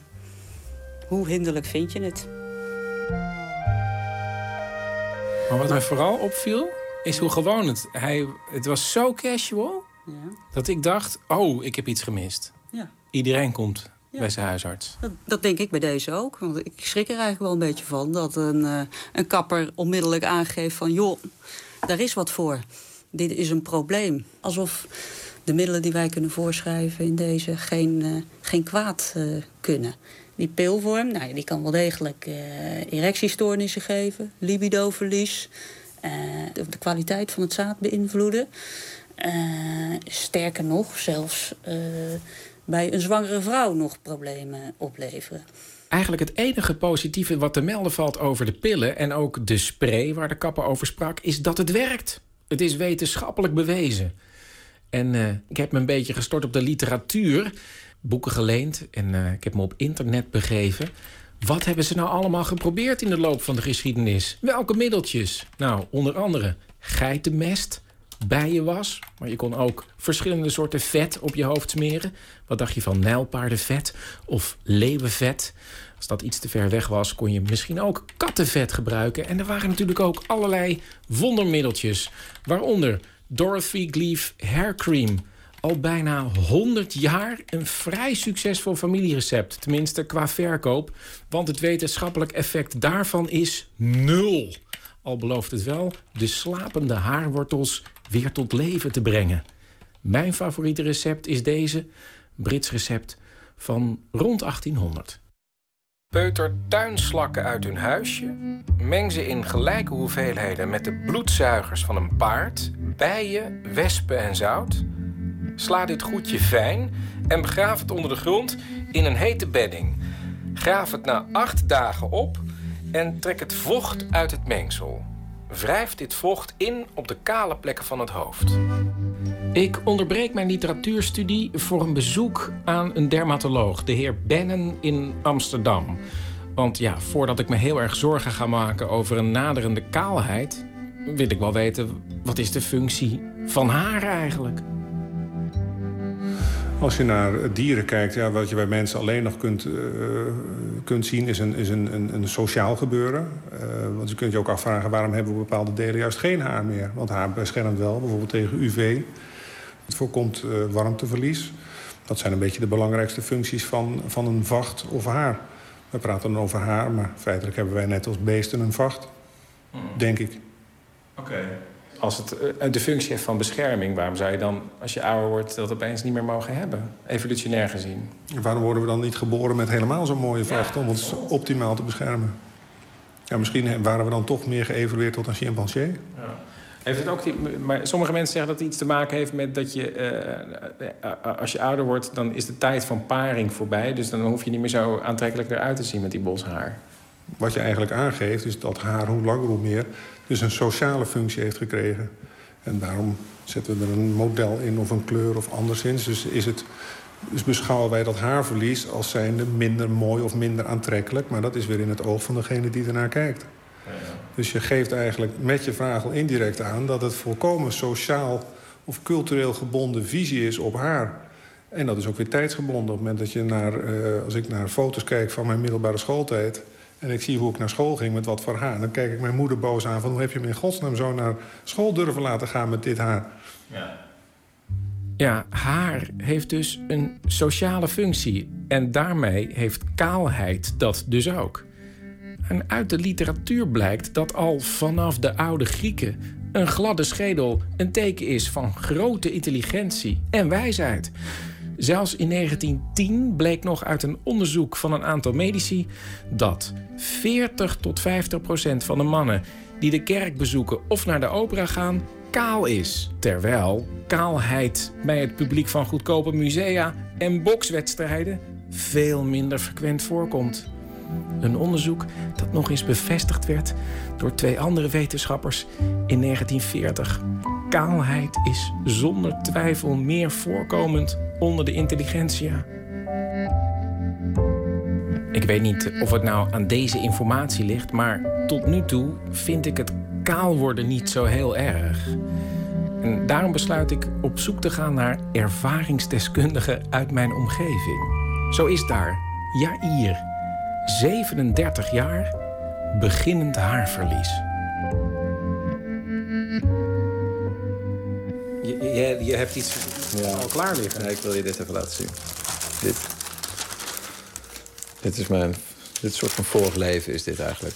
Hier, kijk. Dit was ik. Oh, maar dat wist ik niet. Ja. Dit is heel veel haar. Een enorme bos vol krullen. Maar ik denk meteen, dit was jouw selling point. Dit was jouw sterke eigenschap. Ja, ja, nou, dat, ja voor mezelf wel in elk geval. Ja, ja zeker. Ja, ja. Kijk, de kick als je dit haar hebt, wat ik had... De, de grootste kick is lopen eigenlijk. Is dat je loopt en je, als je, op een gegeven moment had ik mezelf een soort verend loopje aangebeten. Waarbij dat haar zo... Woem, bij elke stap zo even de lucht en ging naar beneden. Voelde je het naar beneden zakken. Het, is, het, het, was nog net geen afro, maar het had wel dat gevoel. En ik werd er ook echt vrolijk van. Dus ik liep en ik voelde mijn haar zo heen en weer bewegen. Nou, dat, dat, dat, op een gegeven moment wordt dat al een stukje minder, maar dat, heb, dat had ik nog niet eens echt door. En toen kwam een soort cruciaal moment, echt, wat echt heel naar was. Je moet je voorstellen, ik had niet alleen een stevige bos krullen, maar het was ook, um, ja, hoe zeg ik dat? Het was, het was een soort natuurlijke paraplu was het. En op een bepaald moment weet ik dat ik, volgens mij was het hier in de straat, hier buiten in Amsterdam-Oost, dat ik liep en het begon te regenen. Niet hard, maar wel van die hele dikke zomerdruppels. En dat had ik door omdat er één druppel uit de lucht op mijn hoofd terecht kwam. Ongehinderd door, enig, door enige haren, blijkbaar. En het was zo'n shock. Gewoon in één keer was mijn scalp nat. Nou, dat, dat, dat is niet leuk. Dat vond ik echt niet leuk. Nou ja, je denkt dat je dan niet meer jong bent. Ik denk dat het daar iets mee te maken heeft. Dat er iets verdwijnt. Dit is Nico, 46 jaar, ervaringsdeskundige. Um, helemaal kaal. Tenminste, het allerlaatste haar wat hij heeft... heeft hij er ruksigloos van afgeschoren. Ik heb heel gaaf haar gehad. Toen ik zo uh, 20, 21 was en het huis uitging... kon ik mijn haar... Uh, op elke manier dragen als ik het wil. En ik had echt van dat waanzinnige gave jaren 50 haar. En dat, dat, dat, dat had een rand, jongen. En dat, dat had dik. Dat was zo dik. Oh ja, de, de kappen zijn vroeger al... mijn scharen raken bot op jouw haar. En nou, op een gegeven moment had ik dat dan helemaal zo heel gaaf. En toen heel langzaam kwamen zo die inhammen. En ik dacht, nee, nee, nee, nee, nee dat, ga ik, dat, dat, dat, dat gebeurt niet bij mij. En, en ik, ik denk, maar dat is vast magisch denken... dat dat door dat te denken, dat het me niet zou overkomen... dat het heel lang op afstand is gebleven. Toen uh, ging het uit met de relatie. Uh, met zij wiens naam niet genoemd mag worden. En uh, dat hakte er dermate in dat ik echt dun haar kreeg. Ik denk, holy fuck. Ik dacht dat het altijd gewoon zo kwam door... Maar volgens mij kwam het ook door emoties en, en verdriet. Dat is eigenlijk heel opmerkelijk. Emoties, verdriet ben ik nergens tegengekomen. Terwijl ik wel las dat er bewezen is dat het bijvoorbeeld uh, genetisch bepaald is. En dan komt kaalheid vooral via de tak van je moeder. Ik vond het ook opmerkelijk omdat mijn kapper ook al begon over stress. Uh, soms komt het vanuit je nek als je heel veel stress hebt. Dat uh, als je nekspieren heel stijf zijn, dan krijg je geen bloeding naar je bovenkant van je hoofd. Waardoor je een goede nekmassage uh, moet hebben. Is dit nou iets? Stress? Ik vraag het aan dermatoloog Benne. Klinkt prachtig. Ik kan het niet helemaal verklaren. Ik kan me niet helemaal in de, de situatieschets verplaatsen. Maar uh, stress is voor veel dingen niet goed in het lichaam. Uh, stress heeft veel invloed op de verschillende huidziekten. En dat is het, het, het prachtige is ook die wisselwerking. Heb jij een vervelend huidprobleem of haarprobleem... Uh, heeft dat invloed op jouw zelfbeeld en kan dat in, in jouw beleving een, een, negatief beeld geven... wat dus een bepaald soort stress geeft... wat weer invloed heeft op dat huidprobleem of dat haarprobleem. En dan wordt het van kwaad tot erger.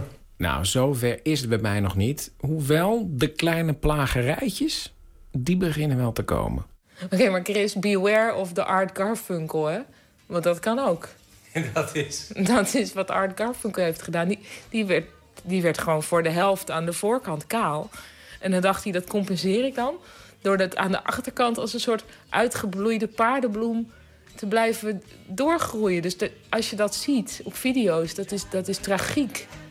Een kaal gezicht met een rather high forehead... wat dan overgaat in een soort, soort kansloos kreupelhout.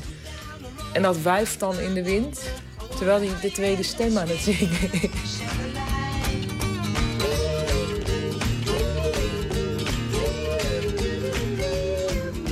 Ik weet wel trouwens in die overgangsfase, er is een soort overgangsfase geweest... dat mensen ineens, mijn schoonzus bijvoorbeeld, zeggen van...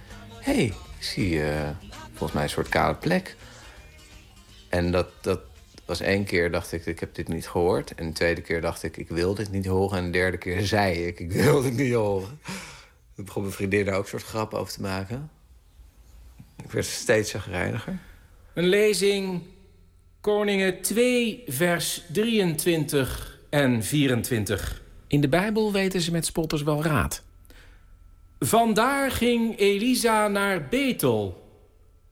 Toen hij de weg daarheen opging, kwamen er kleine jongens uit de stad... die hem spottend toeriepen... Kom hier, kaalkop, Kom hier, kaalkop. Elisa keerde zich om en toen hij hen zag, vervloekte hij hen in de naam van Yahweh. En onmiddellijk kwamen er uit het bos twee berinnen die 42 van die jongens verscheurde. Het kan misschien komen omdat ik 39 ben, maar ik heb toch het idee dat er veel meer aandacht overal om mij heen is voor kaalheid en dat ik er iets aan kan doen. Dermatoloog Benne. Wat ik wel zie is dat de afgelopen jaren de vraag naar informatie over haarverlies en anderszins bij patiënten toeneemt en wat de mogelijkheden zijn. Maar dat komt ook doordat ze zien dat er een aanbod is. In Amerika wordt al veel langer iets met uh, haartransplantaties of plastische chirurgie gedaan. En wat je daar ziet is dat zodra iemand één keer iets heeft laten doen... de kans groot is dat ze een tweede, derde of vierde keer een ingreep, operatie of anderszins uh, ondergaan.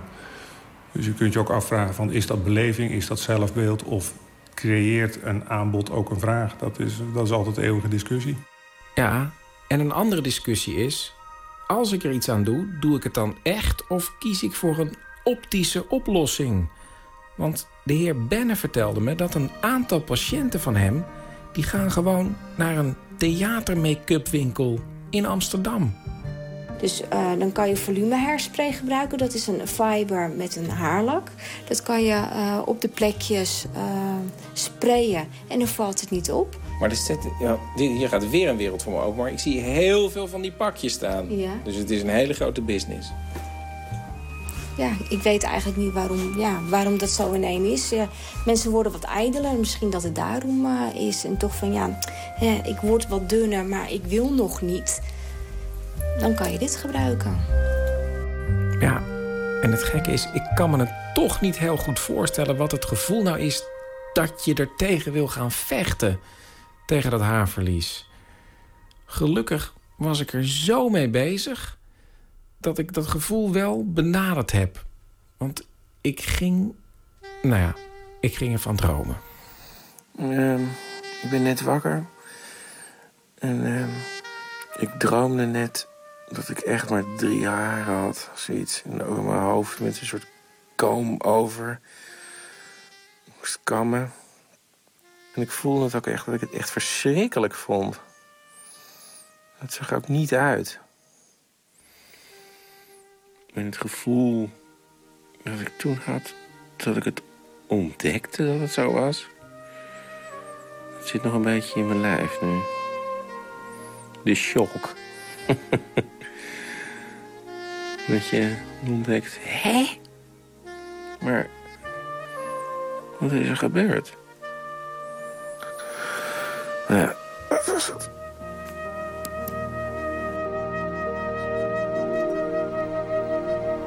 En ondanks die nare droom, denk ik, nee, ik ga niets doen tegen mijn opkomende kaalheid. Geen transplantatie, geen nino of nino fibers. En zeker geen pillen of spray. Want ik zat nog na te denken. Vroeger, tot mijn zeventiende, had ik stijlhaar. Daarna krullen en nu word ik kaal. Kijk, een mens transformeert natuurlijk voortdurend. En volgens mij moet je daar niet tegen ingaan.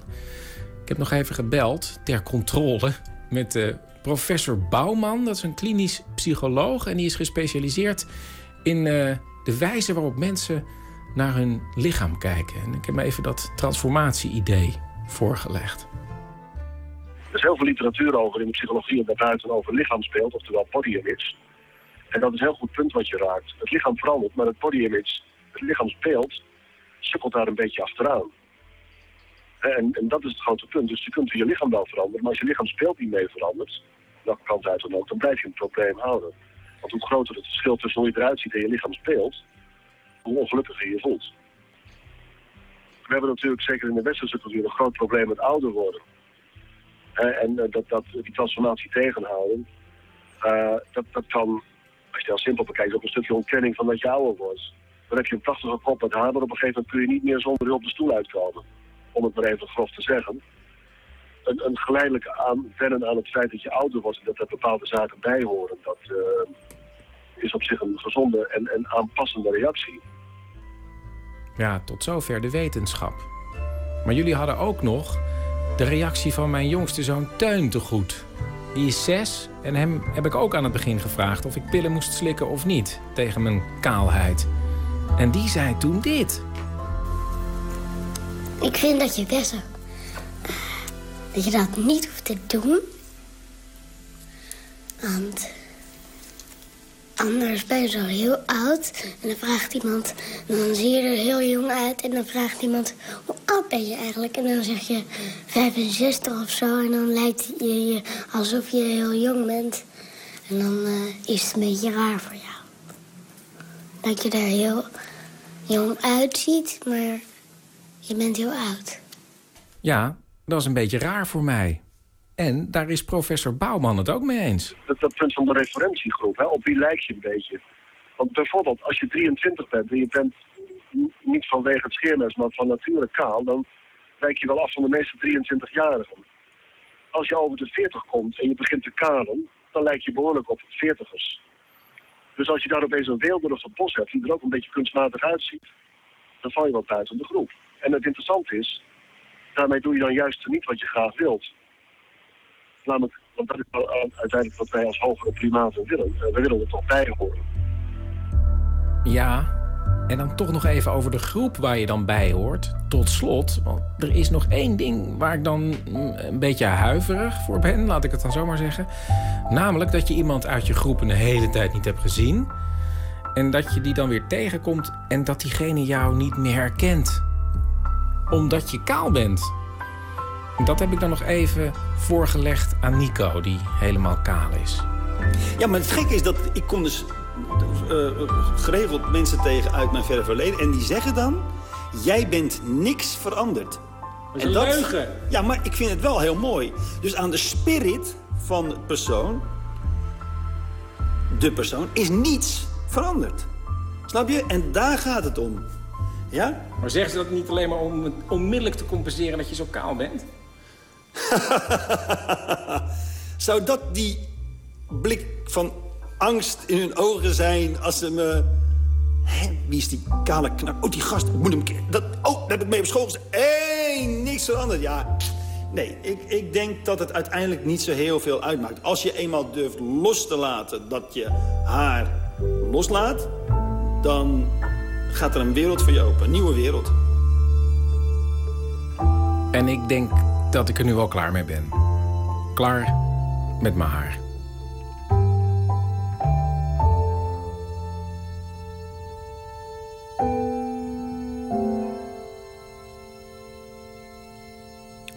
Kaal of Kammen, een documentaire van eh, Chris Baayema, ooit eerder uitgezonden in het radioprogramma De Avonden.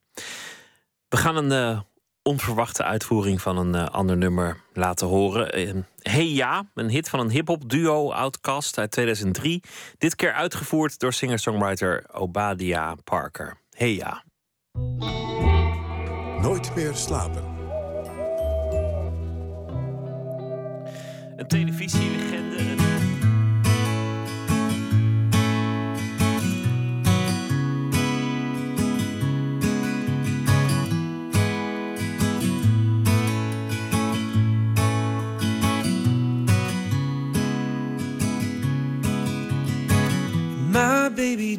mess around because she loves me so, and this I know for sure. But does she really want him or can't stand to see me walk out the door? I can't stand to fight the feeling, cause the thought alone is killing me right now, yeah. Thank God for mom and dad for sticking two together, cause we don't know how. And hey, yeah. And hey, yeah. And hey, yeah. Hey, yeah. You think you got it Oh, you think you got it, but got it, just don't get it till there's nothing at all. We get together, oh, we get together, but separate's always better when there's feelings involved. If what they say that nothing is forever, Oh, the what makes, the what makes, the what makes you love the exceptions. Why, oh, why, oh, why, oh, why, oh, why oh? are we so in denial when we know we're not happy here? Hey, yeah. Hey, yeah. Hey,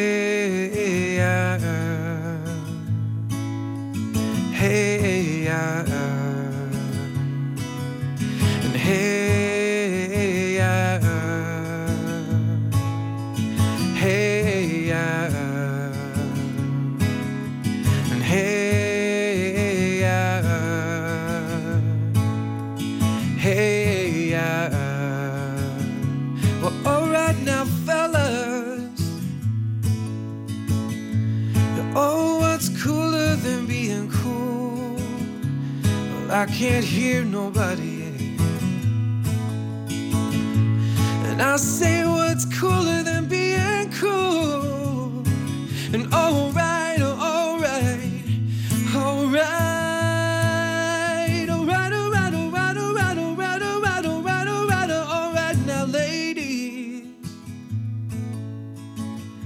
I say we're gonna break it down in just a few seconds here. Don't make me break it down for nothing. I wanna see you all on your all's baddest behavior. But I'll say, oh, lend me some sugar. I am your neighbor. Shake, shake, shake, shake, shake, shake, shake, shake, shake, shake, shake, shake, shake, shake, shake it like a Polaroid. Shake, shake, shake, shake, shake, shake, shake, shake, shake, shake, shake, shake, shake, shake, shake it like a Polaroid picture. Shake, shake, shake, shake, shake, shake, shake, shake, shake, shake, shake, shake it like a Polaroid picture. No, but shake it, shake, shake, shake it, shake, shake, shake it, shake it. Oh no, shake it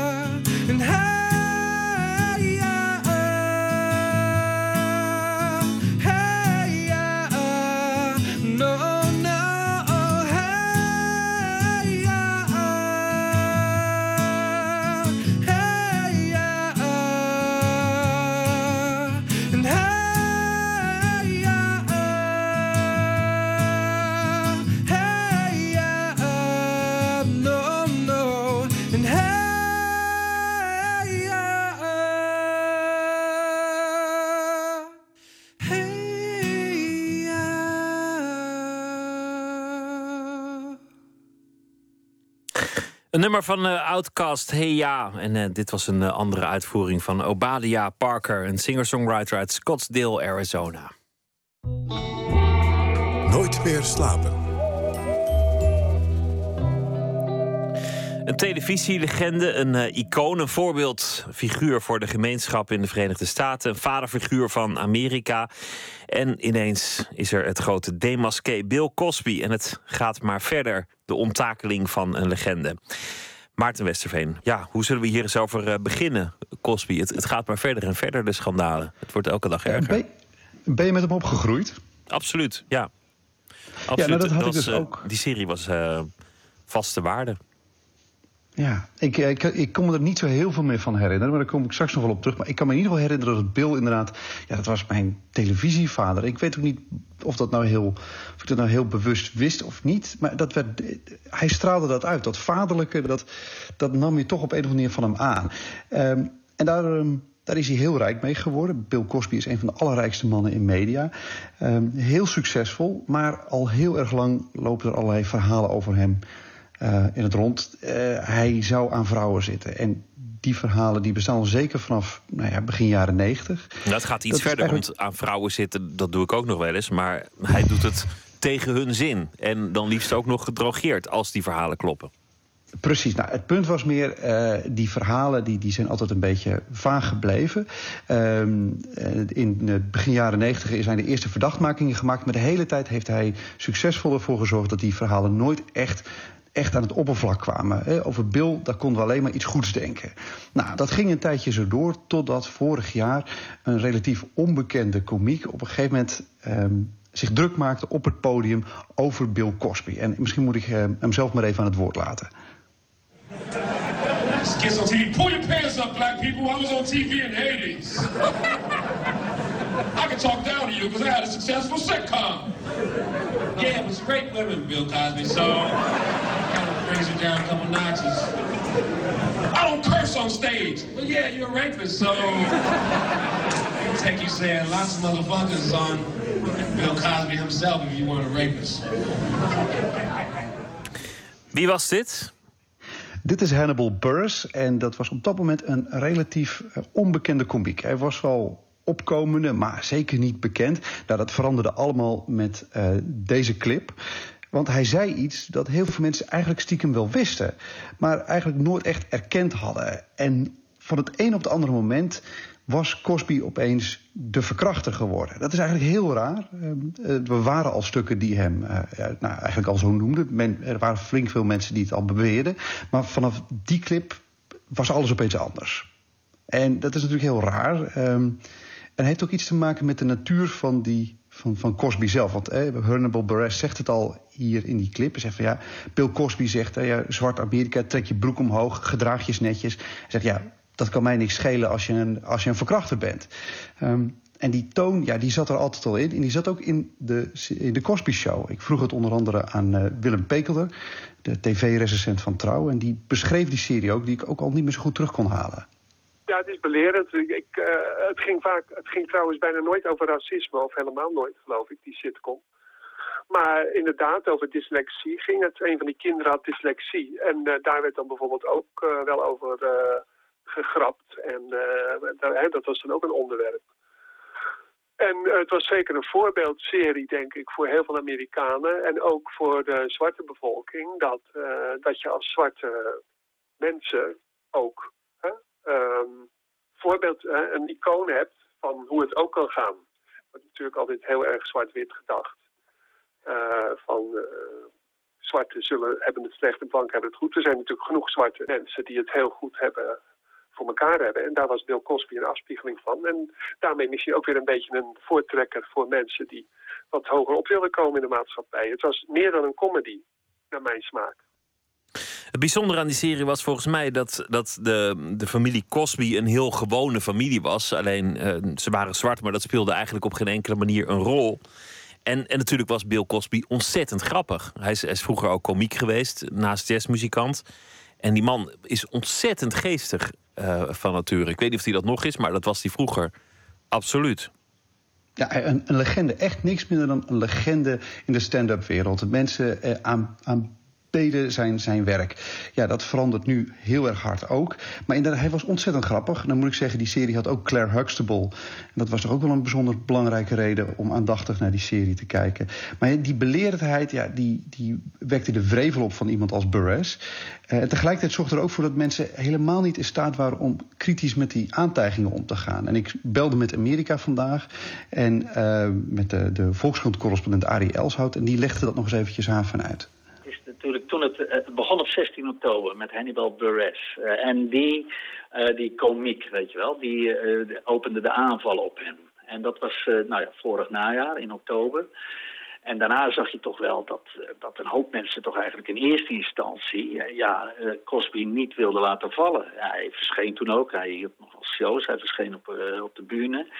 En daar zag je nog ook wel dat mensen dus hun sympathie met hem betuigden. Ze hadden dus echt moeite, maar je zag het ook in Nederland hoor. Er zijn ook wel columnisten in Nederland geweest die hebben gezegd van ja, maar god, wat moeten we hiermee? Hè? Het is toch heel moeilijk om dan zo'n ja, zo'n iemand naar wie je met veel plezier hebt gekeken in, in je jonge jaren, om ja, om, dat, eh, ja, om te zien dat dat je ontnomen wordt. Dus dat, dat was in Amerika, was dat aanvankelijk toch nog wel heel, eh, heel moeilijk om te accepteren. En een hoop mensen willen het dan ook niet geloven. Maar er kwamen natuurlijk op een bepaald moment zoveel vrouwen. Uh, binnen, ja, binnen een vrij korte tijd waren het 18 vrouwen die in de publiciteit traden met klachten over hem. Ja, en toen werd het natuurlijk toch wel heel moeilijk. 18 vrouwen. Inmiddels is, is de telling nog wat hoger, geloof ik. Hè? Want ze, ze blijven er maar bij komen. 47 op een moment. 47. Nou is, hoeft het niet zo te zijn dat het alle 47 daadwerkelijk slachtoffers zijn. Want uh, publiciteit trekt natuurlijk ook uh, valse meldingen aan. Maar geleidelijk aan begint het er ook op te lijken. Ook om heel veel andere redenen. We hoeven niet het hele dossier hier uh, overhoop te halen. Maar dat, dat er wel degelijk iets aan de hand is. Nou ja, het zou onderhand heel erg raar zijn als het niet zo is. Uh, ten eerste, de, alle verklaringen van de alle nou ja, slachtoffers, of de vrouwen die zeggen dat ze slachtoffers zijn, die komen allemaal ontzettend met elkaar overeen. Ze hebben allemaal, uh, zijn ze bij hem uitgenodigd in een, in een uh, private setting, hebben daar een drankje vaak gekregen of een pilletje, voelden zich daarna vreemd, wazig en werden daarna weer wakker. Het zou heel raar zijn als al deze vrouwen die uh, over de decennia uitgesmeerd allemaal met exact hetzelfde verhaal komen en dat met elkaar zouden hebben afgesproken. Dus het, ik, dat, dat geeft al wat te denken. Het, punt is ook, er is nu een verklaring van hem hè, die opgedoken is in de New York Times. Die, die hebben beslag weten te leggen op die, op, die, uh, op die documenten. En daarin zegt Bill gewoon: ja, ik heb gewoon mijn charme, mijn geld en drugs gebruikt om die vrouwen in bed te krijgen, om dingen van ze gedaan te krijgen. Um, en hij vertelde dit allemaal zoals het, uh, als de documenten zeggen, heel erg. Um, nou ja, eigenlijk heel ontspannen. Hij zag het probleem niet zo in. Uh, een man die duidelijk al zo lang alleen maar ja kon horen... dat een nee gewoon geen optie meer was. Hoe moet je het duiden eigenlijk? Is, is er, is, maakt het deel uit van een bredere ontwikkeling? Dat is, uh, ik, kijk, mijn inziens wel. Want het is geen toeval dat die, die, die, die, die zuidelijke vlag hè, uh, in Amerika is neergehaald. Het is geen toeval dat Kathleen Jenner op televisie 20 miljoen kijkers trekt. Er zit iets in de lucht in Amerika. Uh, er, er, een, een beeldenstormend instinct, iconoclastisch. En um, ik vroeg het aan Arie Elshout, de, de Volkskrant-correspondent, en die beaamde dat. Iemand heeft dat al een linkse lente genoemd die hier aan de gang is. Maar ja, goed, dat weet je nooit helemaal of dat, eh, of dat bestendigt uh, natuurlijk. Of dat zo blijft, of er niet weer eens een keer een, een, andere wending komt. Of misschien wel een ander soort president. Of, dat weet je natuurlijk niet. Maar het is op dit moment is er wel duidelijk sprake van een aantal belangrijke triomfen voor links-Amerika. En dat gebeurt ook onder, natuurlijk onder leiding van Obama. Die dan natuurlijk ook, ja, die zie je ook dat hij uh, eigenlijk toch, ondanks zijn laatste feit dat hij aan zijn laatste twee jaar bezig is, dat hij heel veel zelfvertrouwen op dit moment uitstraalt. En uh, dus wat dat betreft heb jij absoluut gelijk als je zegt van ja, dit is toch wel een moment. Je kunt die dingen allemaal wel een beetje met elkaar in verband brengen. Alleen weet je niet hoe lang het weer gaat duren. Hè? Alles gaat natuurlijk in cycli en alles gaat op en af. En dat weet je natuurlijk niet. Maar op dit moment is het een, een, een echt een, een, een, ja, zeg maar een hele goede periode voor links-Amerika. Dat kun je wel zeggen. Een iconoclastische periode lijkt het wel, de, die iconen die vallen. Dankjewel, Maarten Westerveen. Graag gedaan. We gaan luisteren naar Leonard Cohen, een uh, held van wel eer die weer volop toert en aan het werk is, mede door geldnood ingegeven. Een nummer van hem met de titel Avalanche.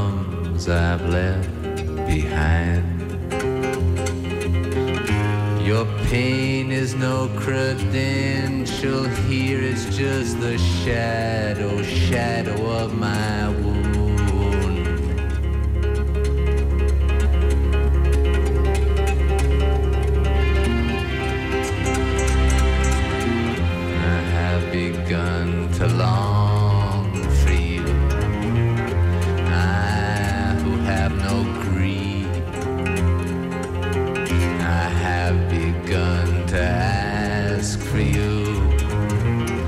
I who have no need. You say you've gone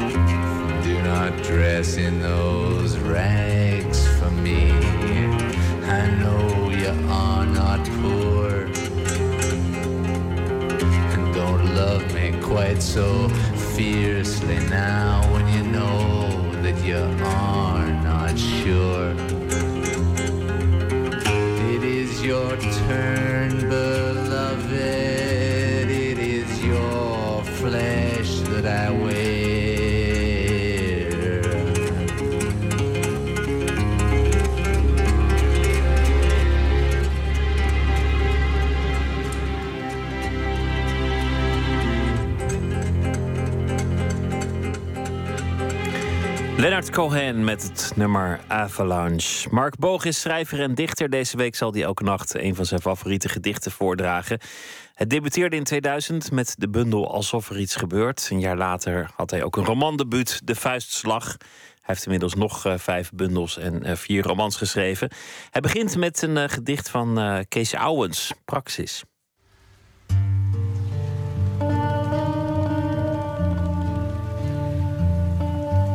Een van mijn favoriete bundels is Klem van Kees Ouwens.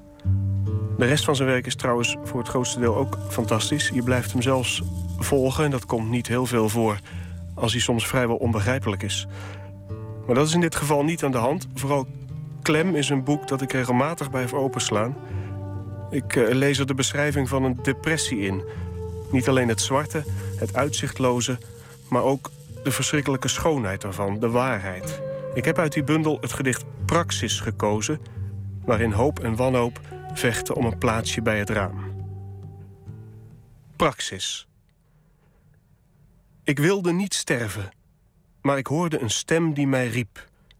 Maar ik was zo volkomen vervuld van mijn vernietiging... doordat men mij leerde mij te vernietigen...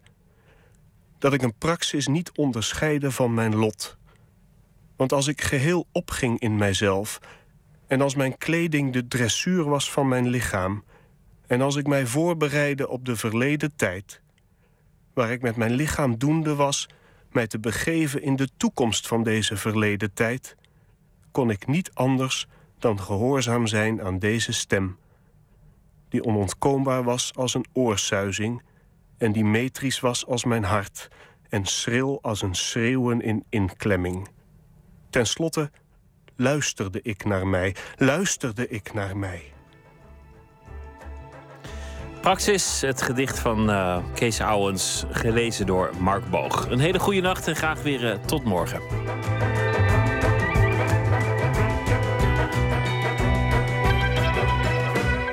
Op Radio 1, het nieuws van alle kanten.